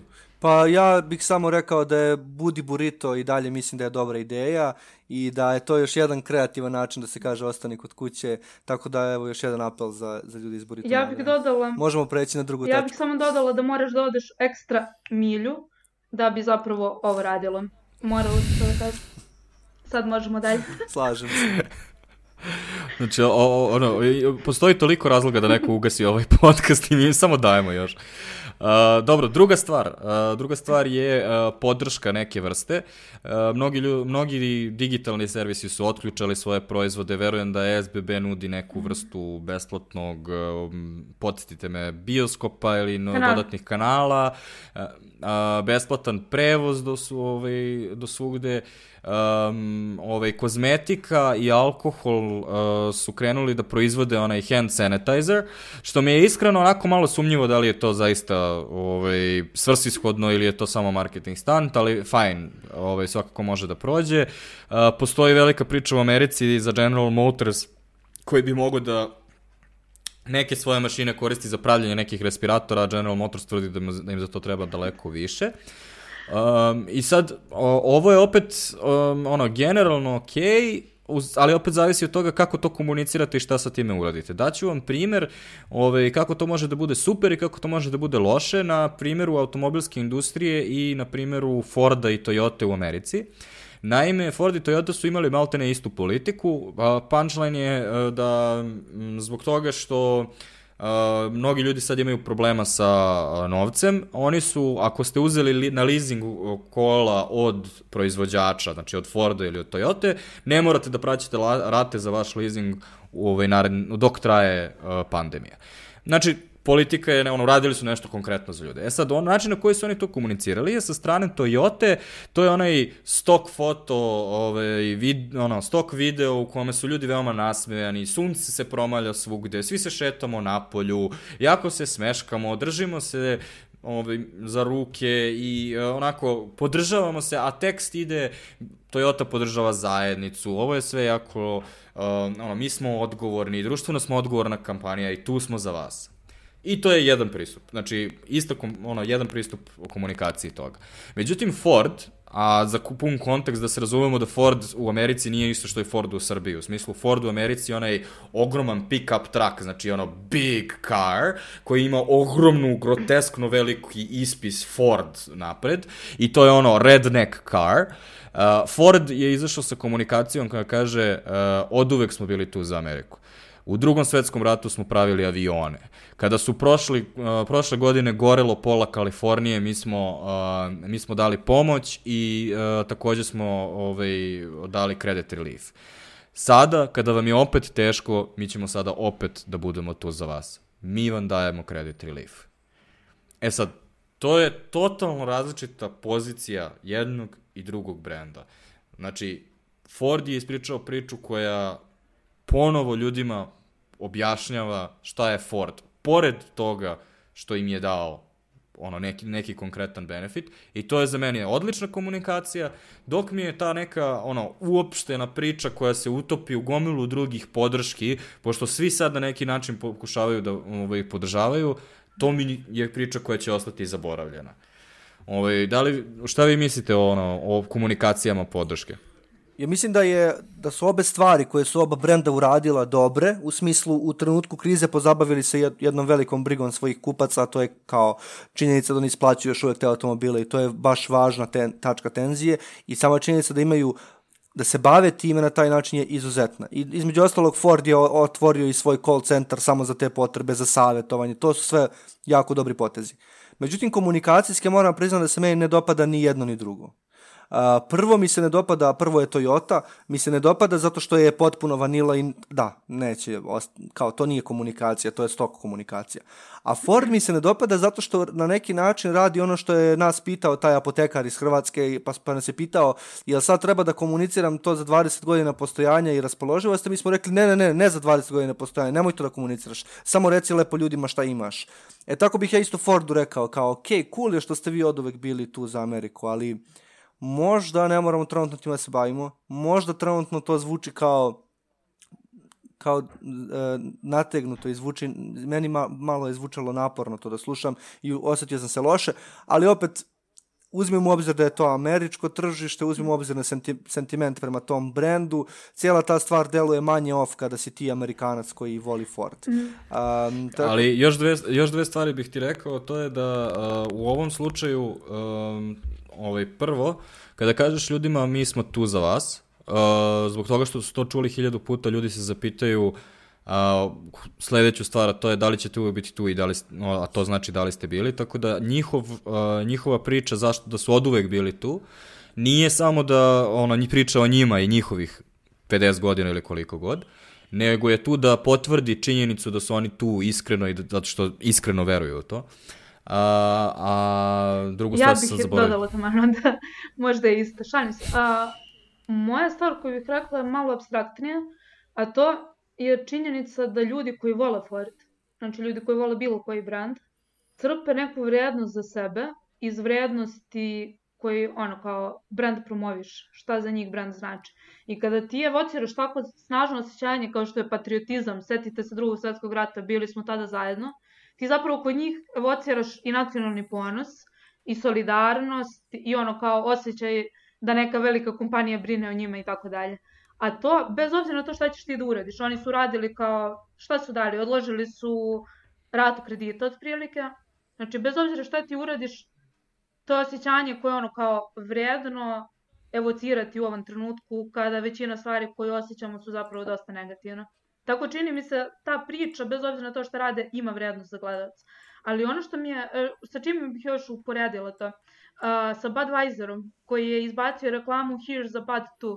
I meni je mnogo, mnogo bolje i transparentnije to što je Ford uradio, zato što su oni rekli, oni su se nekako, po znacima navoda, bespravno besramno promovisali. Evo, mi smo tu već 100 godina, bla, bla. A Bad je samo onako snige pokušao da provuče 60 puta svoje ime branda kroz reklamu, koja bi trebalo da se fokusira na zahvalnost svim esencijalnim radnicima, od zdravstvenih radnika preko ljudi koji rade u prodavnicama, preko ljudi koji dostavljaju i tako dalje. Sve vreme ponavljaju tu formulaciju here's the bud too. I ja sam na kraju te reklame bila u fazonu kao buraz, ono kao ok, očigledno šta ste radili. Svi smo mi zahvalni, ali ne moramo da ponovimo ono kao svoje ime 70 puta da bismo to dokazali. Milja je zahvalna na ovom podcastu, mislim. Znači, to je sad već onda ulazi u sledeću, uh, sledeću stvar, a to je emotivna podrška. Mm -hmm. I um, nekako um, deluje nam svima da sve te komunikacije koje su ta samo čista emotivna podrška nekako su prazne. Um, I ako nemaš nešto konkretno što ti radiš i što ono, ćeš u stvari promovisati i što će stati iza te poruke, uh, barem kao ono krajnji ispis, Uh, onda deluje da to sve nekako onako ostavlja čudan ukus u ustima. Međutim, niko ne reaguje loše tehnički na te reklame, zbog, zbog, toga, zbog onoga što smo pričali, a to je um, kada vide takvu reklamu, um, sada šta ćeš ti da kažeš po, ono, u tom trenutku? A, ovaj, nemojte da, da kažete bravo za, za zdravstvene radnike. Um, međutim, kao, možda samo zato što nema tih, tog backlasha, odnosno ljudi se ne žale, izuzev na Twitteru, gde se svi ljudi stalno žale na sve, um, bez obzira što, se, što ljudi ne, ni na koji način vam ne komuniciraju to, dovoljno je samo da imaju onaj tihi eye roll, onako, o bože, samo da ovo prođe, da svi prestanu da čestitaju zdravstvenim radnicima, a u stvari reklamiraju svoje pivo, na primjer. Da, pa čini mi se da ono kao, bukvalno pitanje koliko ti iskreno deluje, koju emotivnu vrednost za tebe nosi. Ja, na primjer, kada sam videla post nike koji kaže, parafraziram na engleskom jeziku je naravno, za sve one koji su želeli da igraju za milione, sada je tvoja prilika, igraj kod kuće. Dakle, ostani kuće, nemoj da ideš napolje, ono, kao pomozi svima. I meni je taj kopi jako, jako dobar, iako nisam imala nikad, ono, želju da igram u NBA, u NBA-u, I dalje mi je jasno emocije koje oni pokušavaju zapravo da, da prenesu. Delo mi iskreno. Ali samo kratko, ovo je genijalan je primer. Zato što sve za što Nike stoji ceo svoje postojanje brenda je u stvari priča o tome da pojedina, u stvari ovo je jedan na jedan kor njihove komunikacije. Jer oni sve vreme pričaju o tome da pojedinac, čak i ako nije profesionalni sportista, može da prizove u sebi to osjećanje i taj ponos i taj polet i da bude svoja verzija toga. I onda oni sada koji su inače celu svoj, ceo svoj vek pričali o tome, pozivali tog pojedinca da probudi to u sebi tu snagu, kada se oni pojave u doba krize i kažu, e sada, sada je, ti si sada na sceni, to zvuči, to ako samo klikne, klik, zato što je to setapovano decenijama. E sada se bilo koji drugi brand pojavio, ja čak bih bio toliko uh, ekstreman da kažem da se Ribok pojavio koji donekle ima ne, ponekad i neku sličnu poruku, ali da su se oni pojavili sa sličnom ovom stvari i sa ovom, ovim copywritingom, to ne bi toliko kliknulo. Ok, verovatno bi neki ljudi šerovali, bile bi dobre reakcije na to, ali ne bi bilo ovoliko emotivno, koliko ja mislim, meni je bilo iskreno emotivno. Ja nemam nikakav odnos prema Nike proizvodima i brand mi je zanimljiv samo fenomenološki. Ali meni je bilo emotivno kada vidim da neko ono priča priču i da je ta priča iskrena i da imam dokaz kao ono previous track record u vezi s tim. Tako da mislim da je odličan primer koji si navela ovaj, Nike i upravo tog, tog slogana, manje više svodi na taj slogan. ok, sledeća stvar koju bendovi mogu da rade, uh, broj 4, to je CSR. Uh, CSR znači Corporate Social Responsibility, društveno odgovorno poslovanje, uh, a to obuhvata donacije, donacije opreme, donacije novčane, kod nas smo imali recimo jako rano, mislim da je donaciju opreme ovaj, dao Nordeus, oni su bili ovaj, jedni od prvih. Uh, Coca-Cola je povukla svoje komunikacije da bi donirala uh, novčano ovaj, u neki fond. Aviation Gin Miller Light doniraju u Bartenders Guild u Americi, a to je kao organizacija koja okuplja šankere i konobare. Uh, a ovaj, oni će, vero, ono, Šankini i Konobari su svi u trenutnu problemu, kao što je Miloš malo pre rekao, jer zatvoreni su barovi. Um, I sad tu, kao to zvuči, kao CSR uvek zvuči kao dobra ideja, je tako? Kao ko može da nam kaže da je nešto loše ako mi doniramo ovaj, za nešto. Međutim, nekim ljudima se ipak ovaj, odbilo o glavu. Uh, primer najveći za to je Amazon koji je napravio svoj CSR fond za um, ovaj svoje zaposlene, u koji su svi ljudi mogli da doniraju. I onda su rekli, evo, ovo je fond, vi možete da donirate, ali Amazon vas ni na koji način ne ohrabruje da donirate. Mi ne promovišemo ovo. Ovaj, sa, da, ono, šta vi mislite kao, ono, šta je presudno da bi jedna CSR kampanja u ovo doba, ono, bila oceljena kao pozitivna? Mislim da i za početak, Milju da ću ti reći vrlo brzo, samo kratka napomena, mislim da jako treba da odvojimo CSR kao aktivnost i komunikaciju CSR-a kao potpuno odvojenu aktivnost. I u tom smislu, iako je CSR sam po sebi teško ga je osporiti argumentima, ne i nemoguće, ali teško, komunikacija CSR-a može biti loša. Onda kada je CSR konfuzan, kada, ga, kada ga je teško objasniti ili razumeti, kada deluje da dolazi s pogrešnog mesta, s pogrešne strane, kada nema veze, opet kažem, sa autoritetom onoga ko učestvuje u tom CSR-u. Tako da, CSR, da, po defaultu dobar, komunikacija CSR je po mom mišljenju ozbiljno, ono kao, kako se to kaže, kli, klizni teren, ono kao možeš jako da se zeznaš u toj komunikaciji CSR-a. Izvoli mi. Da, pa slažem se sa tobom. I dodala bih samo da mislim da sam ton komunikacije treba da bude što svedeniji i što više ogoljan. Kako ne bi ta komunikacija koju mi imamo recimo o donacijama ili bilo čemu što radimo, delovala kao nešto što radimo oportunistički. Ono što mi je cool jeste kada vidimo brandove koji upošljavaju svoje kapacitete i generalnu ekspertizu da urade nešto što može bude korisno, na primjer Zara koja proizvodi maske u Italiji, I da, iskreno, radije bih nosila Zara masku, ali nije to poenta. Poenta je da oni rade nešto što, za što oni specifično imaju i know-how i kapacitete i kao biraju da umesto da proizvedu novu liniju odeće, urade nešto što je dobro za društvo. Ali mislim da ta komunikacija ne bi trebalo da bude, ne bi trebalo u momentu kada iskomuniciramo da smo izdonirali nešto, um, trebalo bi nekako uvežemo u širu priču U smislu, videla sam primjer da generali osiguranja sa jedne strane, čini mi se, donirao nešto, sa druge strane su recimo proširili i osiguranje na slučajeve koji se tiču korone. Tako da to je opet nekako sa jedne strane i novčana, direktna donacija, ali opet sa pažnjom prema svojim potrošačima i prema tome što oni mogu da urade uh, unikatno u odnosu na druge brandove. To mi se čini kao možda dobar, dobar pravac za razmišljanje. Recimo, ja mislim da je to veoma tačno i sad razmišljam o ne, jednom primjeru koji ću dati, uh, moram da napravim mali disclaimer, dakle svestan sam da primjer koji ću dati je jako zahtevan, izazovan, ali mislim da će dobro ilustrovati poentu, tako da se unapred izvinjavam Nordeusu što ću njih iskoristiti kao primjer. Recimo, Nordeus je vrlo rano, Goran je pomenuo, uh, donirao, uh, čini mi se, da su baš konkretno kupili respiratore, al tako, za, za neke, neku od ustanova. Ali zamislite recimo da je Nordeus, e, da nije donirao te respiratore, nego da je umesto toga probao da razvije neku vrstu video igre, nekog, neku vrstu iskustva za naše starije sugrađane koji će jako dug period provesti uh, zatvoreni u kućama. I da, I da je probao da razvije neš, nekakav gamerski proizvod što zvuči potpuno neobično. Razvio gamerski proizvod za te starije sugrađane da oni, da oni kao koji će, ih, koji će im na neki način pružiti neko zadovoljstvo, slično zadovoljstvo izlaska napolje, šetanju i tako dalje. Koliko bi ovo, e, da li bi ovo bilo, bio bolji CSR ili lošiji CSR, moja teorija je da bi bio opet kažem, jako je teško razviti bilo koju igricu, naročito igricu za penzionere koju oni mogu da odigraju na uređaju koji imaju i tako dalje. Znači sve to po strani.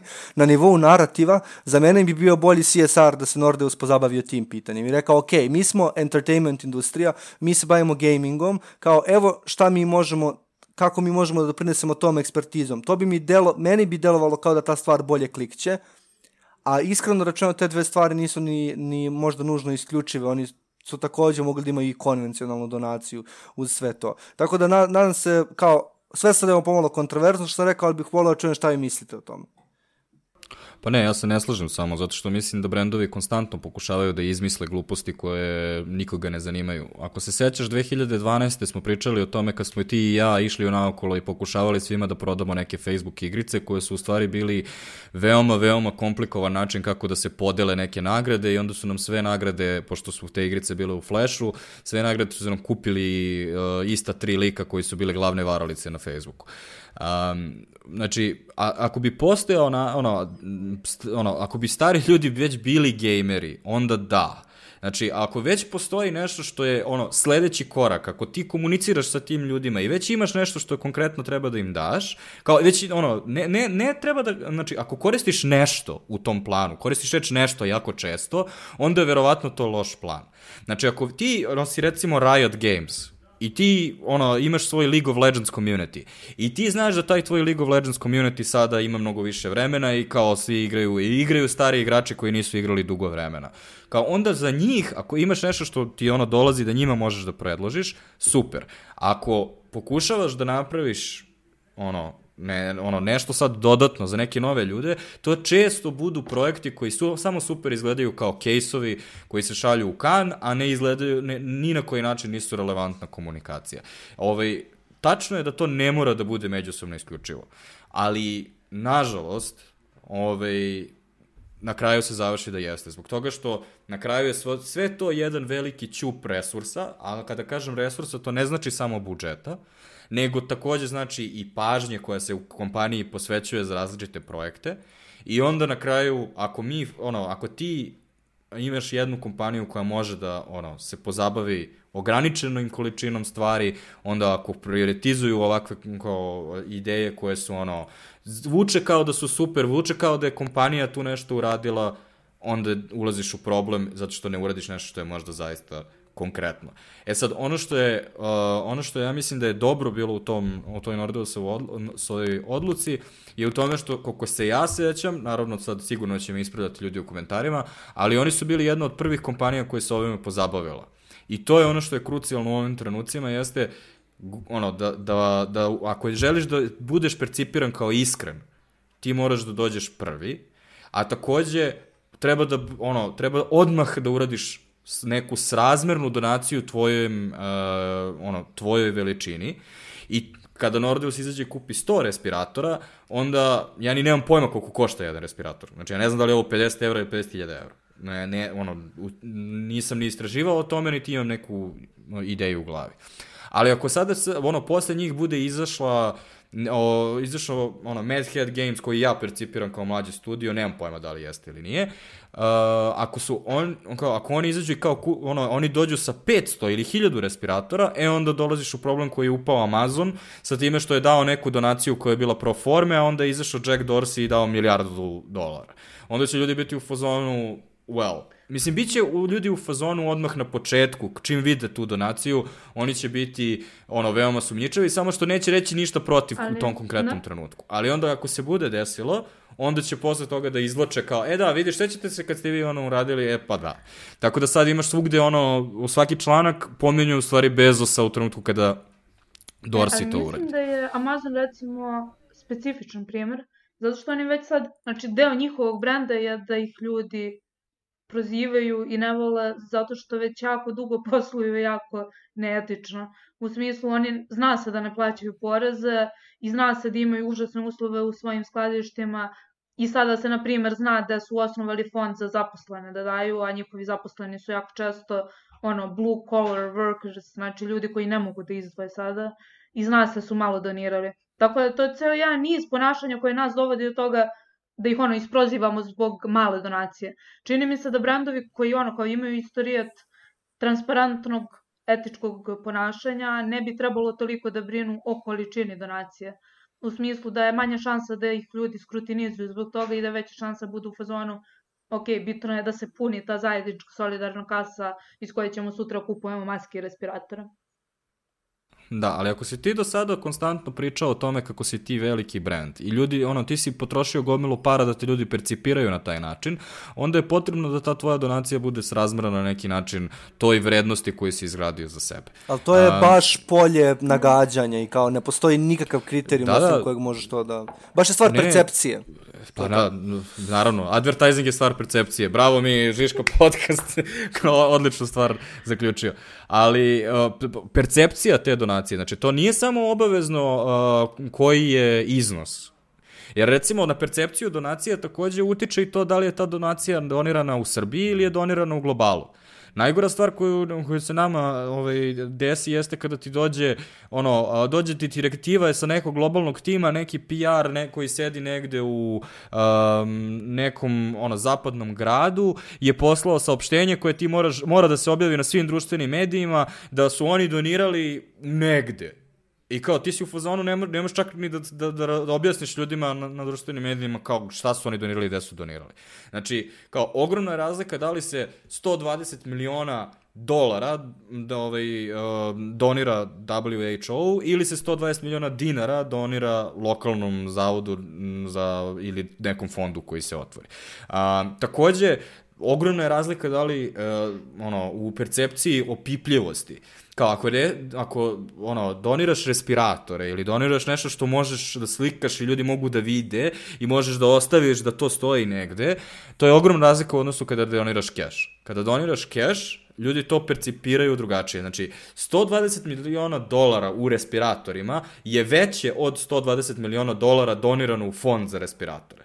E sad, to jeste celo, ceo problem ovaj, CSR-a u tome što kao kada si rekao da je komunikacija, to znači da, je, da, je, da će biti percipirano različito u zavisnosti od detalja, u zavisnosti od toga, svih detalja kojima smo pričali.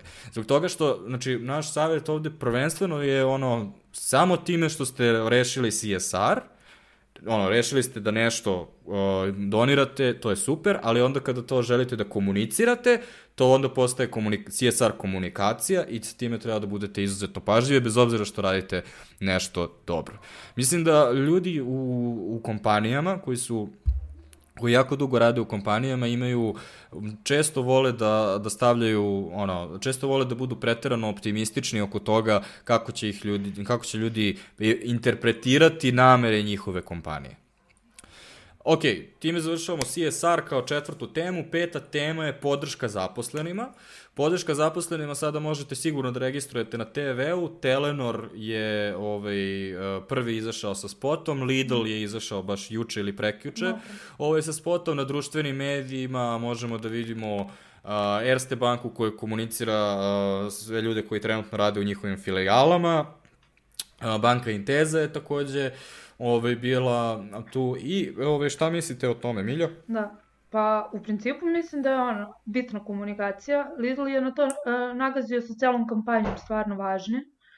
I zapravo voze celu priču o tome koliko su njihovi zaposleni esencijalni u ovom trenutku. Meni se dopada zato što pruža neko ono, kao iskreno je, u smislu to su kompanije koje zaista zavise od ljudi koji će ustati svakog dana za vreme vanrednog stanja i otići na posao i raditi tamo i izlagati se riziku. I na neki način ono, treba, treba prosto prepoznati te napore i te ljude. Sada je pitanje samo koliko dugo to može da se vozi, a da ima vrednost za ljude koji primaju tu poruku. U smislu, kada mi vidimo jednom jedan spot koji to komunicira i kada vidimo još tri posta i kao zaista podržimo svaki od njih, da li četvrti, peti i šesti imaju neku vrednost za nas sada kada je poruka prenašana.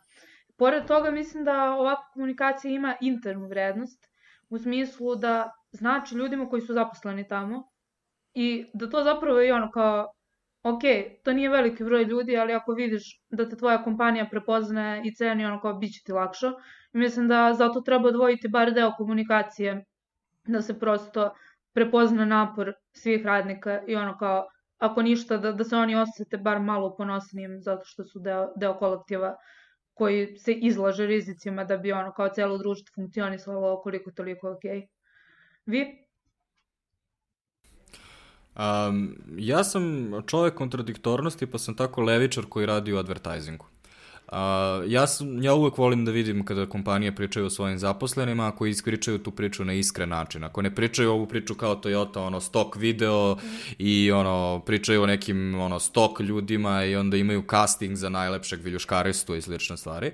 Uh, u slučaju da, ono, ove sve komunikacije koje sam video do sada, mislim da nisu bile opterećene sa time uh, Prvenstveno zbog toga što produkcijski nije bilo vremena da se organizuje ovaj, casting za viljuškaristvo, tako da deluje mi da vidimo neke realne ljude, što ono, meni je uvek super. Slažem se sa tobom da ne može da se ovaj, fura do beskonačnosti, ali mislim da može da se fura dosta dugo i da je to, ono, ako imate ljude koji se na neki način izlažu, moraju da, ono, na neki način izlaze napolje i dolaze na posao i zbog toga neki drugi ljudi mo i mogu da koriste vaše usluge, o, mislim da treba to da, ono, barem acknowledgeujete ako ne i, i ono vozite to dosta. E sad, ono što bih uh, upozorio kolege desničare koji takođe rade u advertisingu. Um, ovime ste dali određeno obećanje. Uh, sada kada ste kao sve, svi, sve kompanije aplaudirale složno svojim zaposlenima, u slučaju da vam se desi da budete uh, tog istog viljuškaristu koga ste stavili u spot ili nekog kolegu koji bi trebalo da simbolizuje taj viljuškarista koga ste stavili u spot. Da ga otpustite za tri meseca zbog toga što vam pada promet ili u slučaju da im smanjite plate ili u slučaju da ovaj, na bilo koji način ono, ne tretirate te radnike na najbolji mogući način, onda će, da, onda će ljudi da vam izvade iste ove spotove, iste ove postove koje pratite sada i da vam, da vam mašu njima i da, da vam pričaju o tome kako ste licemerni, imaćete daleko goru krizu nego što ste imali.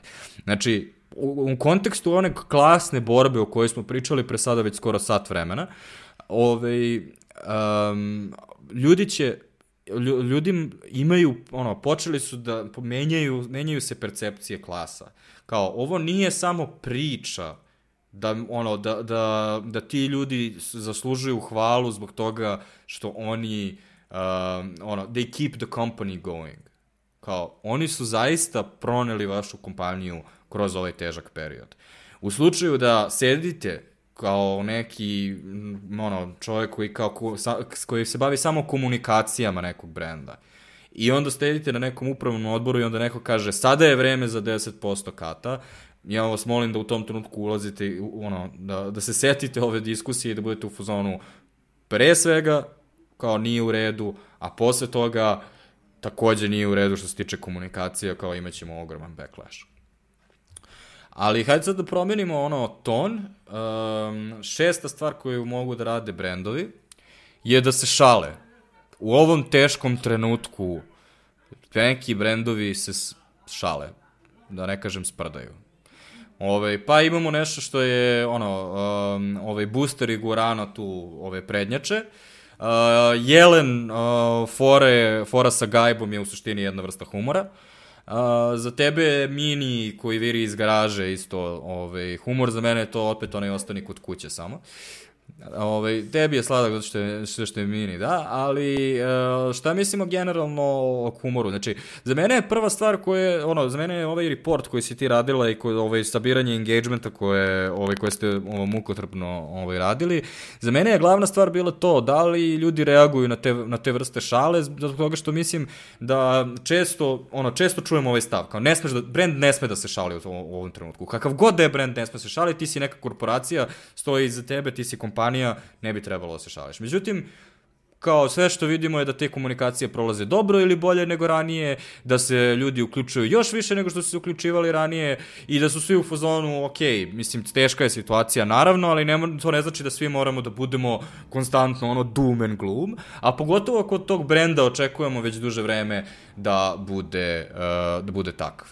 Međutim, uh, ono što bih m, takođe pomenuo je uh, da, je, da sam ja jako umoran od uh, jelen komunikacije, ne znam za vas, uh, zbog toga što mi je, inicijalna fora mi je bila baš super.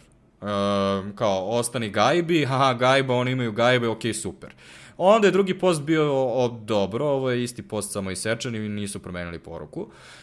I onda, kao, svaki put u toj kampanji, kada radiš, um, kada radiš novu foru, svaka ta fora mora da bude smešna. Recimo, danas sam video post na Guarani koja se igra sa toalet papirom I sad, oni su mogli da naprave bilo kakvu foru na, na toalet papir. Kao, svi su, ono, u, mogli su pokradu bilo koju foru sa internet. Međutim, oni su odlučili da izađu sa uh, vanredno stanje ili vanredno s tri tačke. E, u tom trenutku oni rade ono što Guarana najbolje radi, a to je igraju se sa ono they're pushing the envelope u smislu kao igraju se sa linijom šta je a, prikladno, šta nije prikladno. E, to je ono što očekujemo od takvog brenda i onda to, onda to može da bude registrovano kao humor. Ako vratite vašu komunikaciju na, uh, ok, provali smo foru sa Gajebom, ovaj, ali eto, ono, popite pivo, um, onda to nije registrovano kao humor, koliko god uh, ovaj, ćete naći, ono, sponzorisanjem ćete naći dovoljno ljudi koji će vam lajkovati te postove, ali pitanje je, znači, ono, da li ste našli prave ljude koje u stvari želite da, da ciljate i šta ste im poručili. Tako da, uh, što se, ono, za mene je zaključak za humor uh, da, ono, ok je šaliti se, ali takođe kao i uvek morate zaista da budete smešni ako želite mm. da koristite humor. Šta je za vas zaključak? Uh, za mene zaključak samo, mislim, slažem se sa tobom, ono, kao ako ćeš da bacaš fore, neka bude dobra fora, inače nama ih bacaš. I mislim da ima smisla sada za brandove koji inače komuniciraju ono kao u tom tonu da komuniciraju zato što se ljudi sami šale, odnosno mi kao nacija, da uvedem taj veliki koncept, koristimo humor kao mehanizam za borbu sa teškim situacijama. To je nešto što se i sada dešava i što će ostati.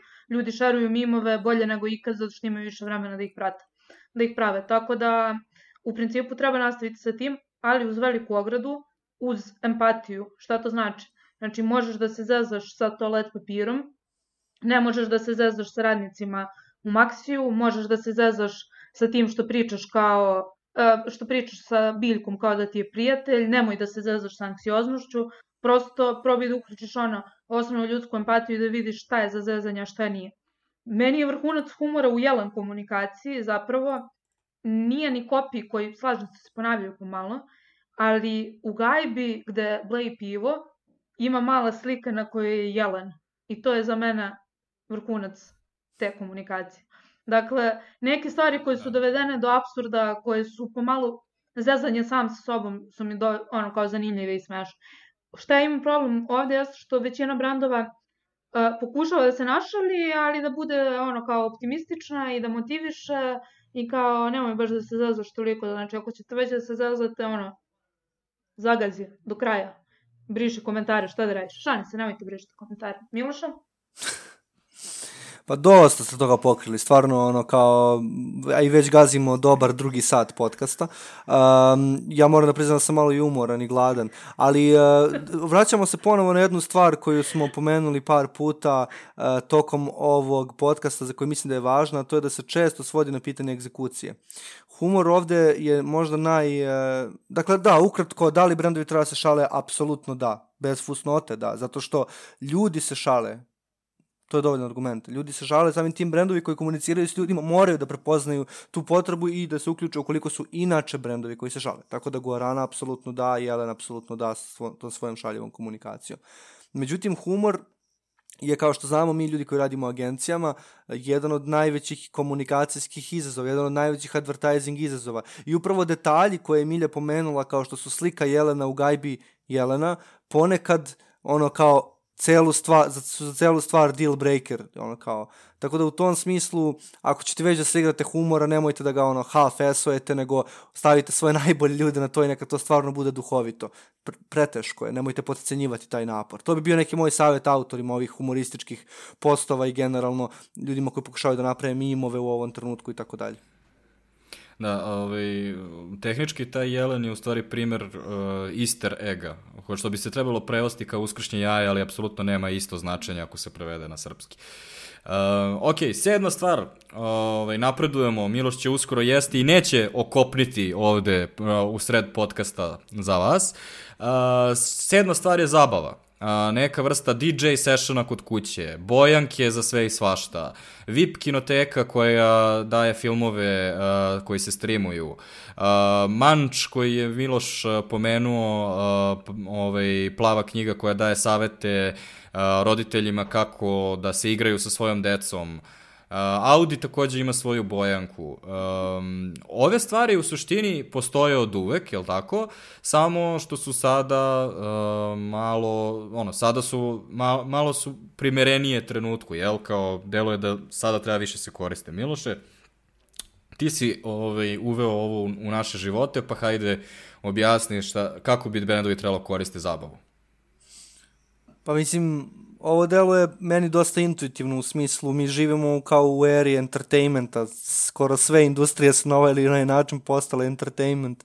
Na kraju dana i mi kao agencija koja se bavi ono, poslom koji nije nužno entertainment, imamo svoj podcast, pa proizvodimo neki sadržaj, pa smo dali sebi za pravo da u periodu a, kao vandarnog stanja i krize snimamo epizode tog podcasta jer smatramo da je ljudima, a imamo i neke dokaze za to, smatramo da je ljudima zabavno da posmatraju te sadržaje.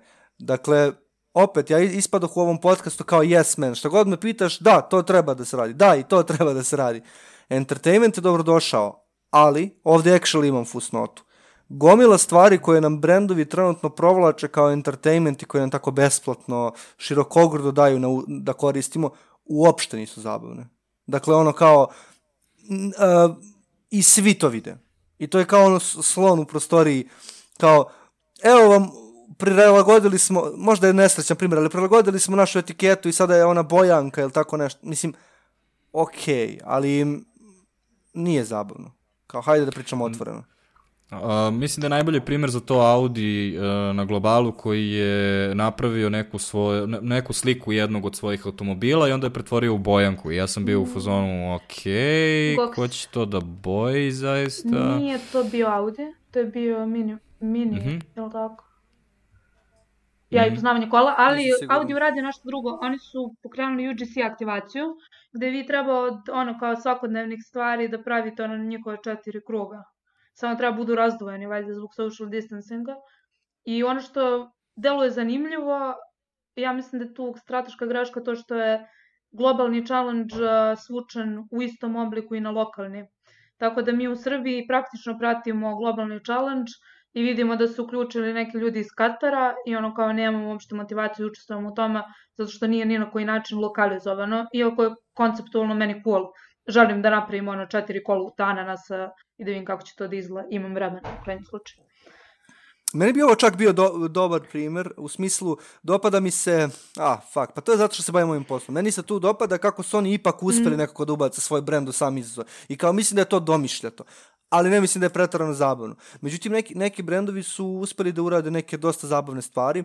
Čak neke javne ličnosti padaju mi na pamet muzičari glumci su uspeli da organizuju neke zanimljive inicijative uh, i sad Goran će me ubiti, ali moram da pomenem stvarno, uh, Severina ima svoj SVTV uh, hashtag, uh, gde ona u stvari na svom YouTube kanalu objavljuje malte ne svakodnevno svoje uh, homemade uh, fuck, uh, live sessione gde ona, gde ona peva, znači snima se kako peva i, um, i to je baš zabavno i stvarno je entertainment. Između ostalog, imala je u jednoj epizodi Lea, Leo je onaj pevač koji je mhm. nestao, 20 godina ga nije bilo, ali kada se bio pojavio, svi su pričali da je sin od Zdravka Čolića ili u najmanju ruku spiritualni naslednik Zdravka Čolića jednog dana. I vratila je Lea i otpevali su svoj duet iz, iz 2000-ih kreni. Tako da, uh, svestan sam da ovo nije najsvetliji trenutak našeg podcasta u smislu edukacije, ali ja stvarno nisam mogao živ da ostanem da ne pomenem Seve TV. Uh, mili moj, a neću ja te ubijem zašto si pomenuo sebe, kao ja sam samo nis, nije mi se svidela ta pesma i nije ovaj nastup taj, ali kao mislim da je dobar primer. Uh, imamo i Mondo ona kod mm -hmm. kuće. Uh, Miljo, šta je da, to? Da, to je zapravo UGC aktivacija u Srba koja radi u ovom trenutku. Odnosno, Mondo ona je pozvao sve žena i osobe koje se tako identifikuju da zapravo slikaju sebe kako rade kod kuće i da okače kontent pod hashtagom Mondo ona kod kuće.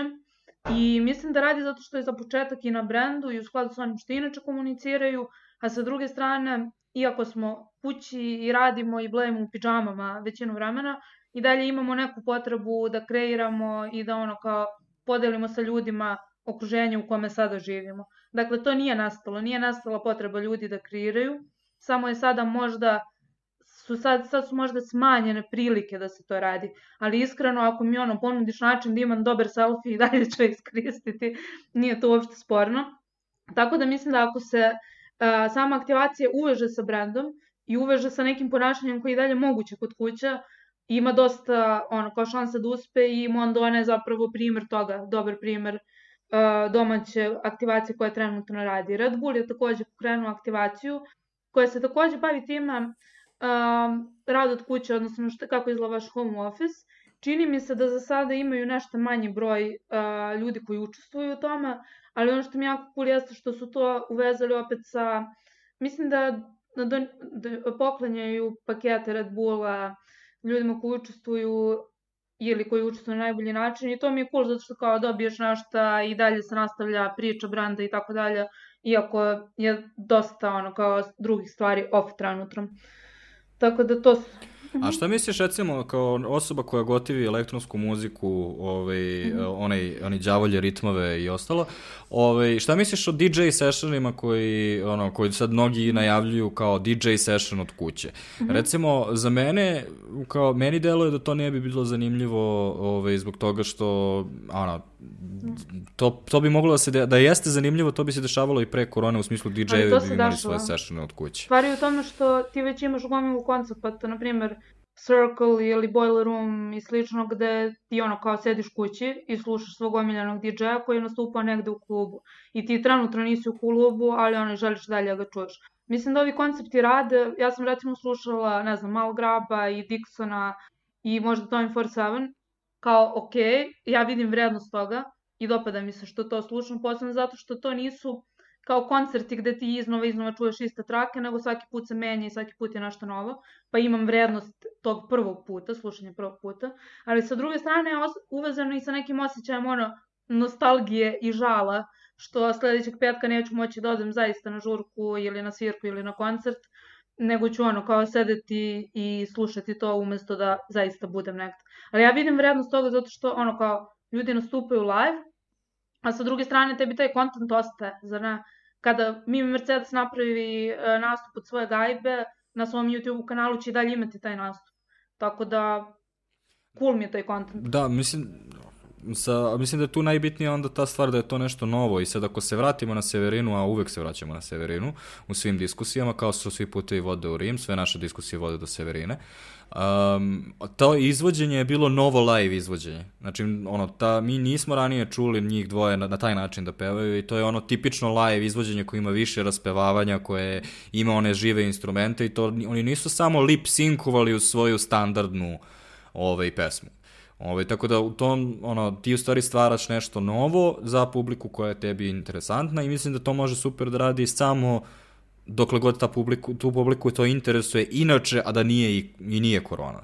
Znači, to, ono, samim tim što, su ljudi, što ljudima dosadno i sede u kući, neće sada bilo šta gledati, pošto imaju gomilu stvari.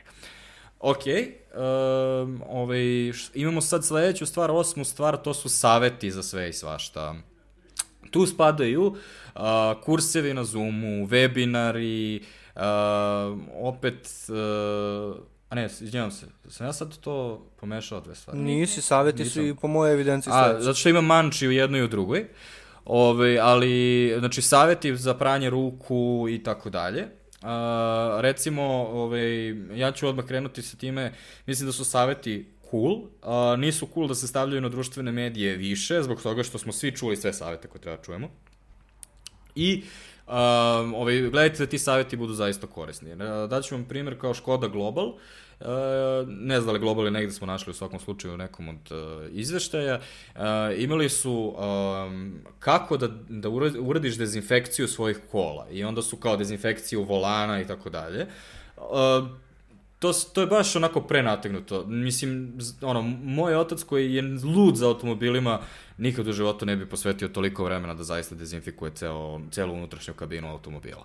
Um, mislim da, da ono, često, uh, ono, iz, pošto svi su dali osnovne savete, i onda često brendovi pokušavaju da izmisle neki novi savet, uh, i to onda zna da, da dođe do, do, do absurda. Um, ovaj, takođe je bitno, znači, bitno je gde dajete te savete. Recimo, meni je odmah palo na pamet kada si rekla malo pre da Red Bull deli, uh, ima neku aktivaciju kod kuće, uh, i onda deli ove limenke. Na tim limenkama bi trebalo da stoji uh, obavezno ovaj, operite ovaj, vrh ove limenke pre nego što pijete iz nje. Uh, Ovaj, zbog toga što je to generalno tačno za limenke i to je onda u tom kontekstu odličan savjet. Ako ti napadaš nekoga na Instagramu sa Instagram pageom i ti u sred njegovog feeda dođeš i kao peri ruke!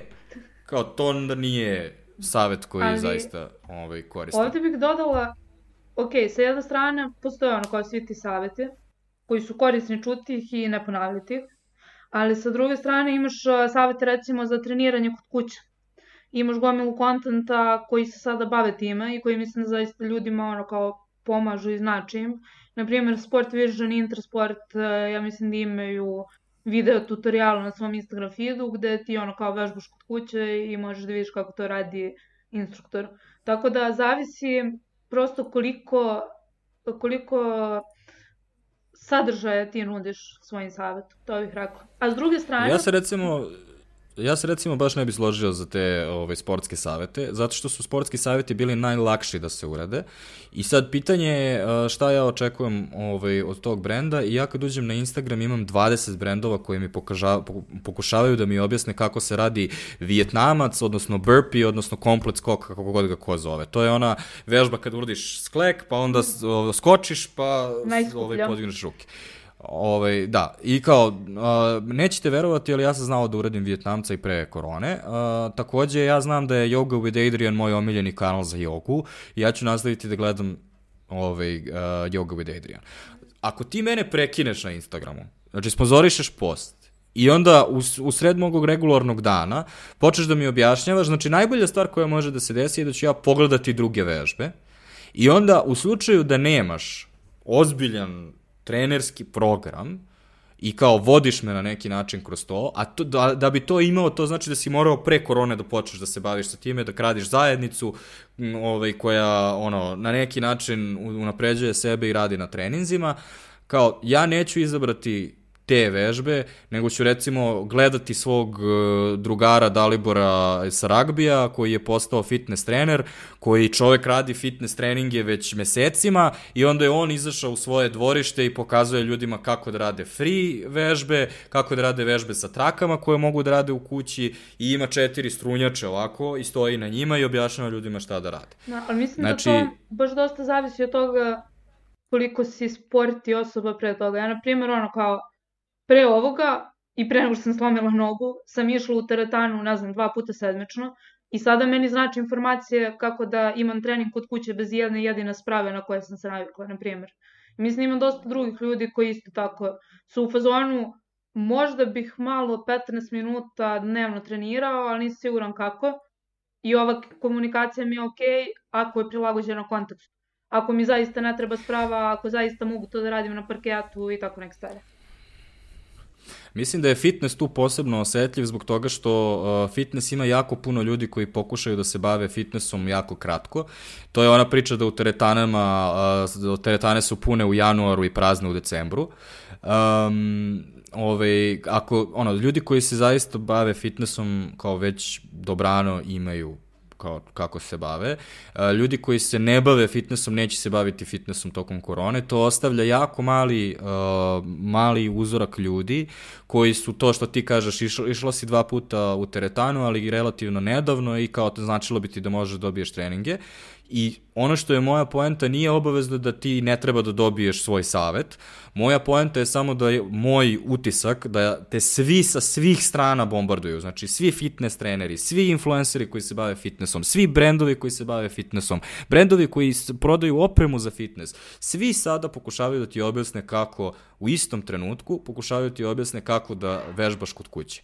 I onda kada ideš na Instagram ti jednostavno dobiješ gomilu sadržaja koji te zapljuskuje i onda ja mislim samo da je to jako, jako zasićena niša trenutno i ne, nije moja poenta kao vi ste sad zeznuli nešto kao Moja poenta je samo da razmislite o nekoj niši koju takođe možete da iskoristite, koja nije ta prva, koja nije ta intuitivna koju možete da imate.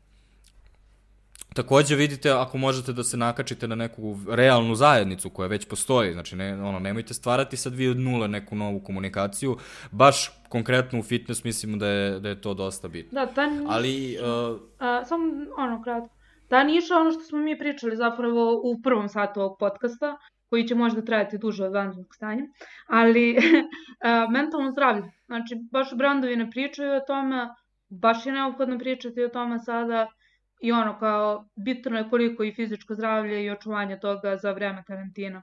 Ono kao, ajde da vidimo kako pričamo o tome sada, ako ništa da obezbedimo bar a, neko ko je stručno lice i ko može pričati o tome u podcastu ili ko može pričati na IGTV-u ili koji može da je samo savete koje ćemo mi posle pretočimo u ono kao postovi ili storije i tako dalje. Tako da postoji ceo taj, cela ta neistražena niša koja nije prvo loptaška koju ljudi kao ignorišu dosta. Ja mislim da je jedan od problema sa temom mentalno zdravlje taj što um, nekako da bi obradio mentalno zdravlje potrebno je da koristiš kanale koje kompanije nisu navikle da, da koriste. Kompanije su uglavnom navikle da koriste spot od 30 sekundi ili fotku na Instagramu i što jednostavnije to bolje. Da bi se obzbiljno pozabavio mentalnim zdravljem ti moraš da platiš nekoga da ti napiše jedan dugačak blog koji onda ovaj, ti koristiš kao da, da promoviše tu temu, pa onda kao sekundarno, tercijarno dolaziš do toga da to u stvari promoviše tvoj brand brand. Mislim da jako malo uh, kompanija razmišlja na tako dugoračan način da bi se tome posvetilo, ali mislim da je da si u sasvim upravo da je to ogromna neistražena uh, ono da, da je to uh, razgovor koji se trenutno dešava među ljudima, a ne brendovi se ne uključuju u njega. Ok, to su saveti, broj 9. Broj 9 se zove uh, save u poslednjem trenutku, odnosno spas u zadnji čas. Uh, Um, ovaj, za mene je primjer ovaj, Nektar uh, lokalni koji je uh, imao neku, ovaj, neku, uh, kampanju koja se u suštini bazirala na uh, life, život je ne znam šta, a life je sok. Pa sad život je se menjalo i uglavnom imali su nekog uh, protagonistu, odnosno glumca koji je bio jako nervozan i onda je on ono bio u fazonu pa to ti je to i tako dalje. I sad, um, ono, bazirali su se na komičnim skečevima, ovaj, uh, gde on saleće ljude i kao objasni im to ti je to, kao jednostavno je. Međutim, onda su shvatili da će to izgledati totalno uh, off i tone deaf tokom uh, pandemije. Međutim, uspeli su da, ovaj, da ubace u taj prvi deo uh, stok foto ili ne znam ni da su čak možda i snimili nešto ovaj, lokalno, um, ljude koji rade nešto što ne bi trebalo da rade, tipa češu se po licu, ovaj, što siguran sam da možete da, može to da bude igra za kraj podcasta, da nam, kaže, da nam uh, napišete kada smo se sve pipali po licu. Evo, Miloš upravo drži svoju ruku ma, ovaj, na svojoj bradi. Ove, um, I onda kao ljudi urade nešto što ne treba da urade i onda taj čova koji je inače tako nadamnan, onda dođe i kaže, objasnim, ne može to tako ali onda kao na kraju im objasni ovaj punchline kampanje. Tako da, uh, meni je to nekako, ono, deluje mi onako malo, malo hoda ovako, znaš, kao, malo ne vidiš da nije od početka bio plan, ali mi je dobar save, onako, ne mogu da razdvojim, toli, ono, ne mogu da razdvojim koliko se radujem tome kao marketar, kao ono, neko ko se bavi time i koliko sam u fuzonu, uh, kao, ovaj, mislim da je Ovation ovaj, ekipa koja radi, tako da sam u fazonu good job guys, koliko mi je ono, mm, ovo je zaista zanimljivo Meni da se vidi. Meni je zapravo zanimljivo i ja mislim da to može da bude cela diskusija u kojoj možda sad nećemo ući baš duboko, ali reciklaža postojećeg materijala, postojećeg materijala, dakle, eco-friendly advertising. I to radio zapravo i Telenor, oni su napravili TVC, tako što su zapravo iz svojih prethodnih kampanja i nekog home office footage-a napravili montažu svega. I sada je jako dobro pitanje zbog čega zapravo brandovi ne bi češće to radili, zato što po meni to radi. ti želiš da se neko seti reklame za plazmu iz 99. na primjer, zašto ne iskopavamo redovno naš footage i samo menjamo poruku u skladu sa novim kontekstom. Mislim da bi jako dobro radilo ako neko hoće to da kupi, nek mi se javi slobodno. A, mo, mogu da te odmah razočaram, mislim da neće. Ove, a, to je u suštini ona priča koju mi pokušavamo da prodamo brendovima non stop, a to je bitnije je da budete u kontekstu i bitnije je da budete realni nego da budete lepi ali i dalje ono ti ne možeš uh, da pro, proturiš pored marketing direktora bilo šta drugo ono u reklamama mi gledamo uh, rendere proizvoda mi gledamo 3D render našeg proizvoda koji smo snimili u Grčkoj za ceo region, umesto da gledamo taj realan proizvod zbog toga što taj naš realan proizvod ne izgleda dobro na svetlu. I kad treba da ga stavimo na svetlo, mi ga premažemo uljem i nitroglicerinom da bi izgledao a, hladno, da bi izgledao oznojano, da bi izgledao ovako, izgledao onako. A, samo kad nas ovako muka natera, Uh, samo tada imamo taj trenutak da nam je ok što imamo footage uh, koji je stari i footage koji je novi, zbaljegan međusobno, a to bi u stvari trebalo se dešava stalno. Um, znači, stalno bi brendovi trebalo da, uh, ono, da, da izbacuju više stvari, s obzirom da se današnji svet kreće brže, umesto da imate četiri kampanje za svaku sezonu, back to school, winter, sp, ovaj, spring i ovaj, summer vacation, kao trebalo bi da imate čim, ono, konstantno se nešto dešava, ce, ono, svi kanali brenda bi trebalo da menjaju ovaj, svoju komunikaciju. Međutim, kao, kao neko ko ide u naokolo i priča ovu priču i po konferencijama i po raznim ovaj, korporativnim sastancima, nažalost mogu da ti kažem da, da nema puno ljudi koji vole to da poslušaju, zbog toga što i dalje argument moj proizvod mora da izgleda presavršeno, prepeglano, sve treba da bude ono najbolje moguće i dalje ono caruje u naokolo. Tako da, ja se, apsolutno se slažem s tobom, ove, ovaj, sam, znam da se Miloš da, isto. Da, uvek sam želala da predvodim revoluciju i okej okay mi je da to bude advertising. da, ovaj, Revolution will be podcast, to je ona fora koju menjamo svakih dve godine kako se menjaju mediji. I stigli smo do kraja. Miloše, jesi živ? Jel se frizovala slika ili Jel kopniš? Ne, živ sam, samo što u suštini bojim se da bi komentarisanjem bilo, bilo koja od ovih poenti, pošto otprilike na svaku tačku ste vas dvoje imali nekoliko baš dobrih poenti, samo još dodatno produžio, produbio ovaj razgovor i bojim se da, će, da ćemo ga učiniti ono kao monstruozno dugačkim. Uh, tako da, da, ono, kao spreman sam za zaključak definitivno već neko vreme. Um, pazi, Joe Rogan ima 3,5 sata podcaste, a, tako da mi smo to, male bebe. Za to moraš da budeš u treningu, on je, zar, ne, zar on nije bivši uh, e, UFC borac ili tako nešto?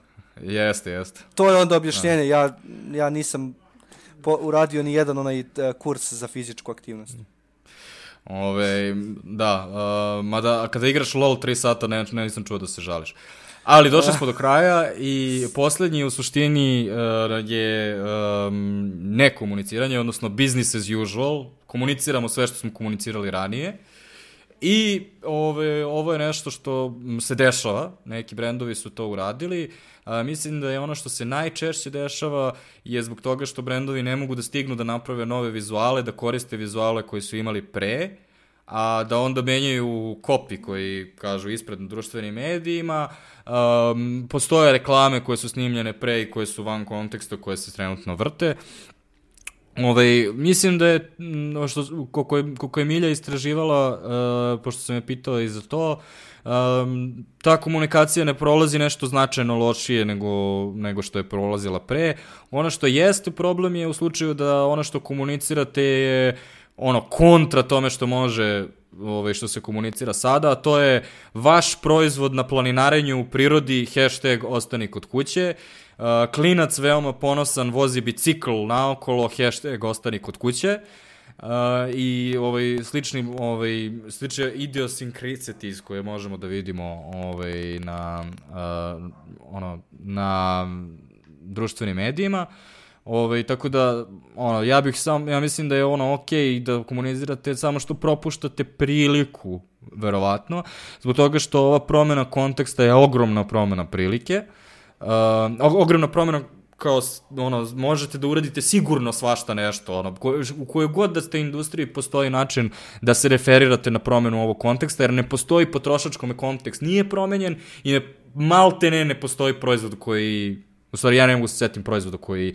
nije sad barem blago nekako promenjen kontekst i brendovi, dobri brendovi i dobra komunikacija će adresirati tu promenu. Tako da, ok, nećete, nećete upropastiti sebi brend možda, ali ćete propustiti nešto što možete da uradite. Ja mislim da je ovo jedna malo šira priča koja se pominje u nekoliko tekstova na koje sam naišao u poslednje vreme na internetu, a koja se bavi time kakav, uh, kao imagery, kak, kakve slike treba koristiti u ono, komunikaciji uh, a, u današnje vreme. I to je zapravo dosta zanimljivo kao um, neke stvari su dosta očigledne kao na primjer ti možeš da koristiš sliku uh, lepe spolj, lepog prostora napolju ali samo u nekom aspirativnom kontekstu kao radujemo se vremenu kada ćemo ponovo hodati napolju i tako dalje. Ali zapravo neke druge vrste imidžerija su trenutno jako privlačne i izvuče, izvuče jako sinhronizovano s današnjim vremenom. Recimo ja kada vidim danas da brendovi koriste print screen kao format, print screenove konverzacija sa Dark Social i tako dalje, to mi deluje nekako jako u skladu sa vremenom u kojem živimo. Takođe, tako te neke prljavi footage, dokumentarni pristup stvarnosti, sve to na nivou imidžerija danas ima mnogo više smisla komunikacijski nego verovatno to što ste pripremili pre nego što je počela kriza, te fotografije raznih occasiona i tako dalje.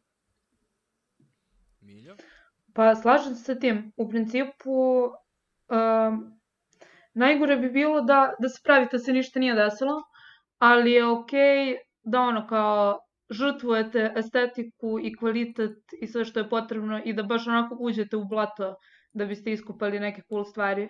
Što hoću da kažem, jeste zapravo da možda nije potrebno previše ulaganja da bi se ono ostvarile uh, poruke koje imaju jako puno smisla za sve nas trenutno. Tako da screenshotovi, ovo što je rekao Miloš, sve te stvari mogu zapravo da jako dobro komuniciraju s ljudima, zato što su trenutno mnogo više deo našeg konteksta od uh, prelepe, ne znam, prelepog pizaža i prelepog outfita i šminke koju nisi stavila tri meseca. Ok, to zaključuje naših 10 pravaca, znači da podsjetimo mm. još jedan put, pošto ljudi koji su slušaju podcast su zaboravili kad smo počeli sa ovime. Znači, prvo, hashtag ostani kod kuće, a, komunikacija koja se naslanja na to. Drugo je konkretna podrška tipa otključavanje digitalnih proizvoda, besplatni prevozi, prebacivanje proizvodnje na druge grane. Treći je corporate social responsibility, odnosno CSR komunikacija, odnosno društveno odgovorne postovanje, odnosno donacije, novčane donacije, opreme i donacije određenim fondovima. Četvrti je podrška zaposlenima, znači zaposleni koji trenutno um, kompaniju ovaj, održavaju da funkcioniše i održavaju proizvode, uh, na neki način se zahvaliti njima opšta emotivna podrška, ovaj, ostani kod kuće jer treba da ostaneš kod kuće, um, ovaj, a, zabava, proizvodnja neke vrste zabavnog sadržaja, da zabavi ljude koji sede kući i dosadno im je, Uh, saveti, konkretni saveti za borbu protiv uh, pandemije i eventualno uh, mentalno zdravlje. Save u poslednjem trenutku, znači u suštini ako ste imali kampanju koja je već kretala, a oprostit ćemo vam ako malo um, ovaj, nije sasvim on, ako uložite, no, ovaj, uložite um, ovaj, trud da se ona na neki način prilagodi trenutnom vremenu i ok je da koristimo različite vrste sadržaja na koje nismo navikli. I na kraju možete i da ne radite ništa nego radite ono što ste od uvek radili, ali um, ovaj, time propuštate ogromnu ovaj, priliku i ne komunicirate zaista na najbolji način. Ne, niko vas neće razapeti, izuzev uh, nekih advertising agencija koje vole da čapkaju po takvim brendovima, ali uh, sem toga ništa pretarano loše se neće desiti. Međutim, to nije kraj. To nikako nije kraj. Ovo Ovi... zaključuje uvod našeg podcasta. Sada možemo ozbiljnije da se posvetimo analizi ovih 12 konkretnih studija slučaja koje smo za vas pripremili. Znači, ovo je bio Hobbit, a sada je uh, vreme za Silmarillion. Šalim se. Ove, ovaj, ne, ajmo samo kratko, ove, ovaj, onda, pošto, ove, ovaj, da damo neka predviđanja za budućnost. Ove, Miloš, Miloš je objasnio na početku svoje periode korone, koji su prvo neko negiranje uopšte šta se dešava, onda uozbiljavanje i kao ove, komunikacije i na kraju normalizacija komunikacije što smo došli, dokle smo sada praktično došli, to je ova priča sa sada je okej okay da se šalimo. Uh, ali pitanje je šta će biti posle. Ja jako često kada pričam sa ljudima, svi kažu, jao, kada se bude završio po, ovaj, kada se bude završila pandemija, onda ćemo da imamo, pucaju sve kampanje, ludilo, idemo žurke, festivali, ono, ljudi će da divljaju i tako dalje. Ja bih samo upozorio ljude da neće biti, ono, neće biti ukidanja apsolutnog, biće postepenog vraćanja, znači, bit ćemo u fazama vraćati život u normalu, Um, verovatno će poslednja od tih faza biti u stvari te velike žurke gde svi možemo da se družimo. Ono na što ćemo jako dugo paziti je vraćanje pandemije, odnosno mogućnost da se desi kao što, pošto trenutno smo negde ovde i to je sad pokušavamo svi time što ostajemo da ovaj, spljoštimo tu krivu i onda će ona da se da nastavi ovaj dalje da pada. Postoji mogućnosti da umesto da dalje pada da se vrati i da opet krene da raste i da opet krene da rade eksponencijalno što znači da verovatno ćemo neko duže vreme uh, morati da uh, modifikujemo način na koji pričamo jedni s drugima, idemo na žurke i tako dalje. Ono što bih pre savjetovao je da veoma dobro pazite nove stvari koje se dešavaju umesto da planirate stvari za posle. Uh, ovaj, pandemije I ne samo zbog toga ove, što će okolnosti konkretne zakonske biti različite, nego zbog toga što kada se desi ovako veliki reset kod potrošača, resetuju se svi uvidi. Znači, marketinška kampanja je uvek dobra koliko je dobar uvid koji je prati, a kada resetujete uvide, jer će sada sve što radimo biti malo drugačije. Nemamo pojma da li će, ovaj, ono, kako ćemo na kraju, da, da li ćemo mrzeti bogataše ili će sve da se vrati u normalu. Da li ćemo sada svi da pređemo na online ili ćemo još više da kupujemo u samoposlugama u kojima smo kupovali tokom pandemije zato što smo zahvalni. Samo će se naš proces planiranja jako skratiti i mnogo ćemo agilnije morati da, da planiramo nego što smo planirali ovaj, nekada ranije. Ne, ta, planirat ćemo za te, uh, za te uh, trenutke koji su vezani za konkretne uh, promene u ponašanjima, a ne za godišnja doba, ne za vraćanje u školu. Možda će biti sada kampanja za online marketurski ispit umesto za back to school i tako dalje. Mhm. Pos, ovaj, poslednja stvar koju bih dao kao savet uh, svima jeste da uh, ono što je tačno u svakoj, uh, u svakoj krizi jeste da um, ko prvi dođe na tržište i ko prvi na dobar način targetira potrošače, najbrže raste posle e, ove, i najbolje izađe iz krize. Um, to, je, to se pokazalo 2008. Postoje statistike da biznisi koji se osnivaju tokom, uh, ovaj, tokom kriznih godina u stvari prolaze bolje ako uspeju da ovaj, prežive. Uh, Um, tako da mi ne znamo sada da li će ova, da li će se život samo vratiti skroz u normalu, ne znamo da li će ova recesija imati quick dip ili će imati prolongiran dip kao što je imala 2008. A, zbog toga što nikada do sada nije urađen ovaj eksperiment u kome je e, ekonomija stala, ali ni jedna, a, ni jedan kapacitet u ekonomiji nije uništen.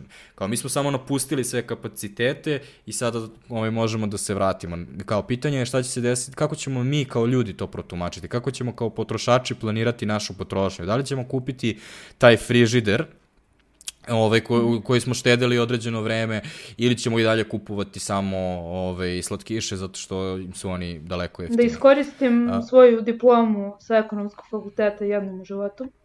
A, mislim da po prvi put u novoj istoriji, ono kao ceo ekonomski sistem zavisi od zdravstvenog sistema i da generalno ljudi se ponašaju drugačije u ekonomiji kada je ne, neizvesnost velika, kada nisi sigurno šta će se desiti. Meni se čini da u trenutku kada se ono, ako i kada se pronađe vakcina i kada se nazad restoruje kao neki nivo sigurnosti, ljudi će se vratiti nazad starim obrazcima potrošnja. U smislu ne postoji razlog da ja ne odem na letovanje, ove ili sledeće godine, kada postane izvesno da je to bezbedno. Tako da sa te strane jako cool što, što si ti rekao da kapaciteti nisu m, nisu narušeni, ali s druge strane ne postoji ni sistematsko nepoverenje u sistem, kao što je bilo 2008. Ti tada se, nisi imao ono, poverenje u ceo finansijski sistem, sad imaš poverenje u ekonomski finansijski sistem, bar koliko i pre, I ovo što se dešava je, ono, za mene ima utjecaj na ekonomiju kao nekog prolongiranog, naravno metafora u pitanju, šumskog požara. Dakle, nešto što dolazi, što se dešava, ali što ne utiče nužno na makroekonomske faktore.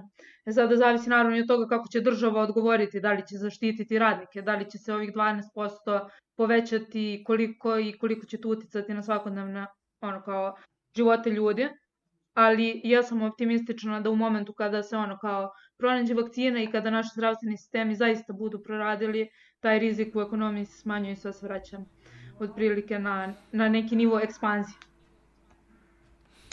Ok, uh, ja ću sada da dam igru za kraj, pre nego što kaže Milošu, zbog toga što smo provalili da neki ljudi uh, ovaj, premotavaju podcast skroz do kraja i onda vide šta je igra i pišu. Ovaj, posle 17 minuta odgledaju podcast do kraja i napišu šta je ovaj, igra za kraj. Igra na kraju je samo da napišete ispod preživeo, preživela. Ovo, ako ste došli do kraja ovog podcasta, a sada idemo do našeg poslednjeg preživelog koji će završiti ovaj podcast, to je Miloš. Miloše, take it away. Mislim da je mislim da je jako zanimljivo sve što ste pomenuli kao impakti svega ovoga na društvo, na čak u nekom domenu i na razumevanje klasnog sistema, kapitalizma čak. Na neki način, u nekim delovima podcasta smo mi preispitali kapitalizam kao, kao dominantno, kao društveno ustrojstvo danas na planeti, ali kratko ću se samo vratiti na komunikaciju, na nešto što je možda već pomalo postaje nepopularno mišljenje, a to je uh, šta će doživeti nekakvu vrstu ekspanzije, što komunikacijski, što kroz uh, evolucije biznis modela. I mislim da će jedna od glavnih stvari koje ću barem ja pratiti uh, u periodu nakon koronavirusa, to jest ovog prvog outbreaka, a, a to je virtualizacija a, usluga, e-commerce, Zapravo tu bih se zadržao. Virtualiz virtualizacija usluga, virtualizacija biznis modela i e-commerce. Zašto mislim da je to relevantno? Ne zato što, logično, ne zato što se desio neki veliki naučni pomak u tom smislu, zato što je tehnologija naglo napredovala ili bilo šta, nego zato što je narativ odjednom igrom slučaja potpuno neočekivano jako naklonjen ovoj inovaciji. I čak i oni ljudi koji su do ovog perioda e, samoizolacije bili ono kao neodređeni po pitanju virtualizacije e, i po pitanju recimo e-komerca su sada bili prinuđeni da osete benefite ili barem da čuju o benefitima ili barem da se zamisle o benefitima svega toga. I mislim da ćemo videti uh, dve stvari. Vidjet ćemo više biznisa u narodnom periodu koji će razvijati ovakve usluge kod nas, neki od njih će sigurno biti lokalni, ali i van toga vidjet ćemo više ovog virtualnog narativa u, čak i u tradicionalnim biznisima i u komunikaciji tradicionalnih brendova i generalno ćemo mu kao društvo verovatno biti malo naklonjeniji. Takođe, cela ova stvar sa koronavirusom je otklonila jedan um, važan argument u ovom pomaku, koji je ranije bio da, ali to dovodi do otuđenja svih nas, kao svi ti napreci u tom smislu, zato što nam je upravo ova cela situacija sa, sa koronavirusom dokazala koliko uspešno koristimo tehnologiju i virtualne servise upravo za socijalizaciju i za ostajanje bliski. Tako da mislim da taj argument nećemo ni brzo ni lako zaboraviti, iako na nivou globalne ekonomije ovo neće imati nenormalan impakt, na nivou komunikacije, na nivou narativa dominantnog u društvu, mislim da će biti jako zanimljivo pratiti tu liniju a, priča o svemu ovom. Eto, nadam se da, ovo, da je ovo i vama na neki način zanimljivo. Nje, nje, nje, ja sam Miloš, meni je jako teško da slušam, ali kada dođe do kraja ja ću i dalje da napravim pointu od 20 minuta koja je jako pametna i sada vi možete da zatvorite ovaj podcast zato što ga ja zezam i ovo je kraj. E, ali mogu samo još nešto da kažem. Izvini, znam da je ovo mogao biti savršen kraj.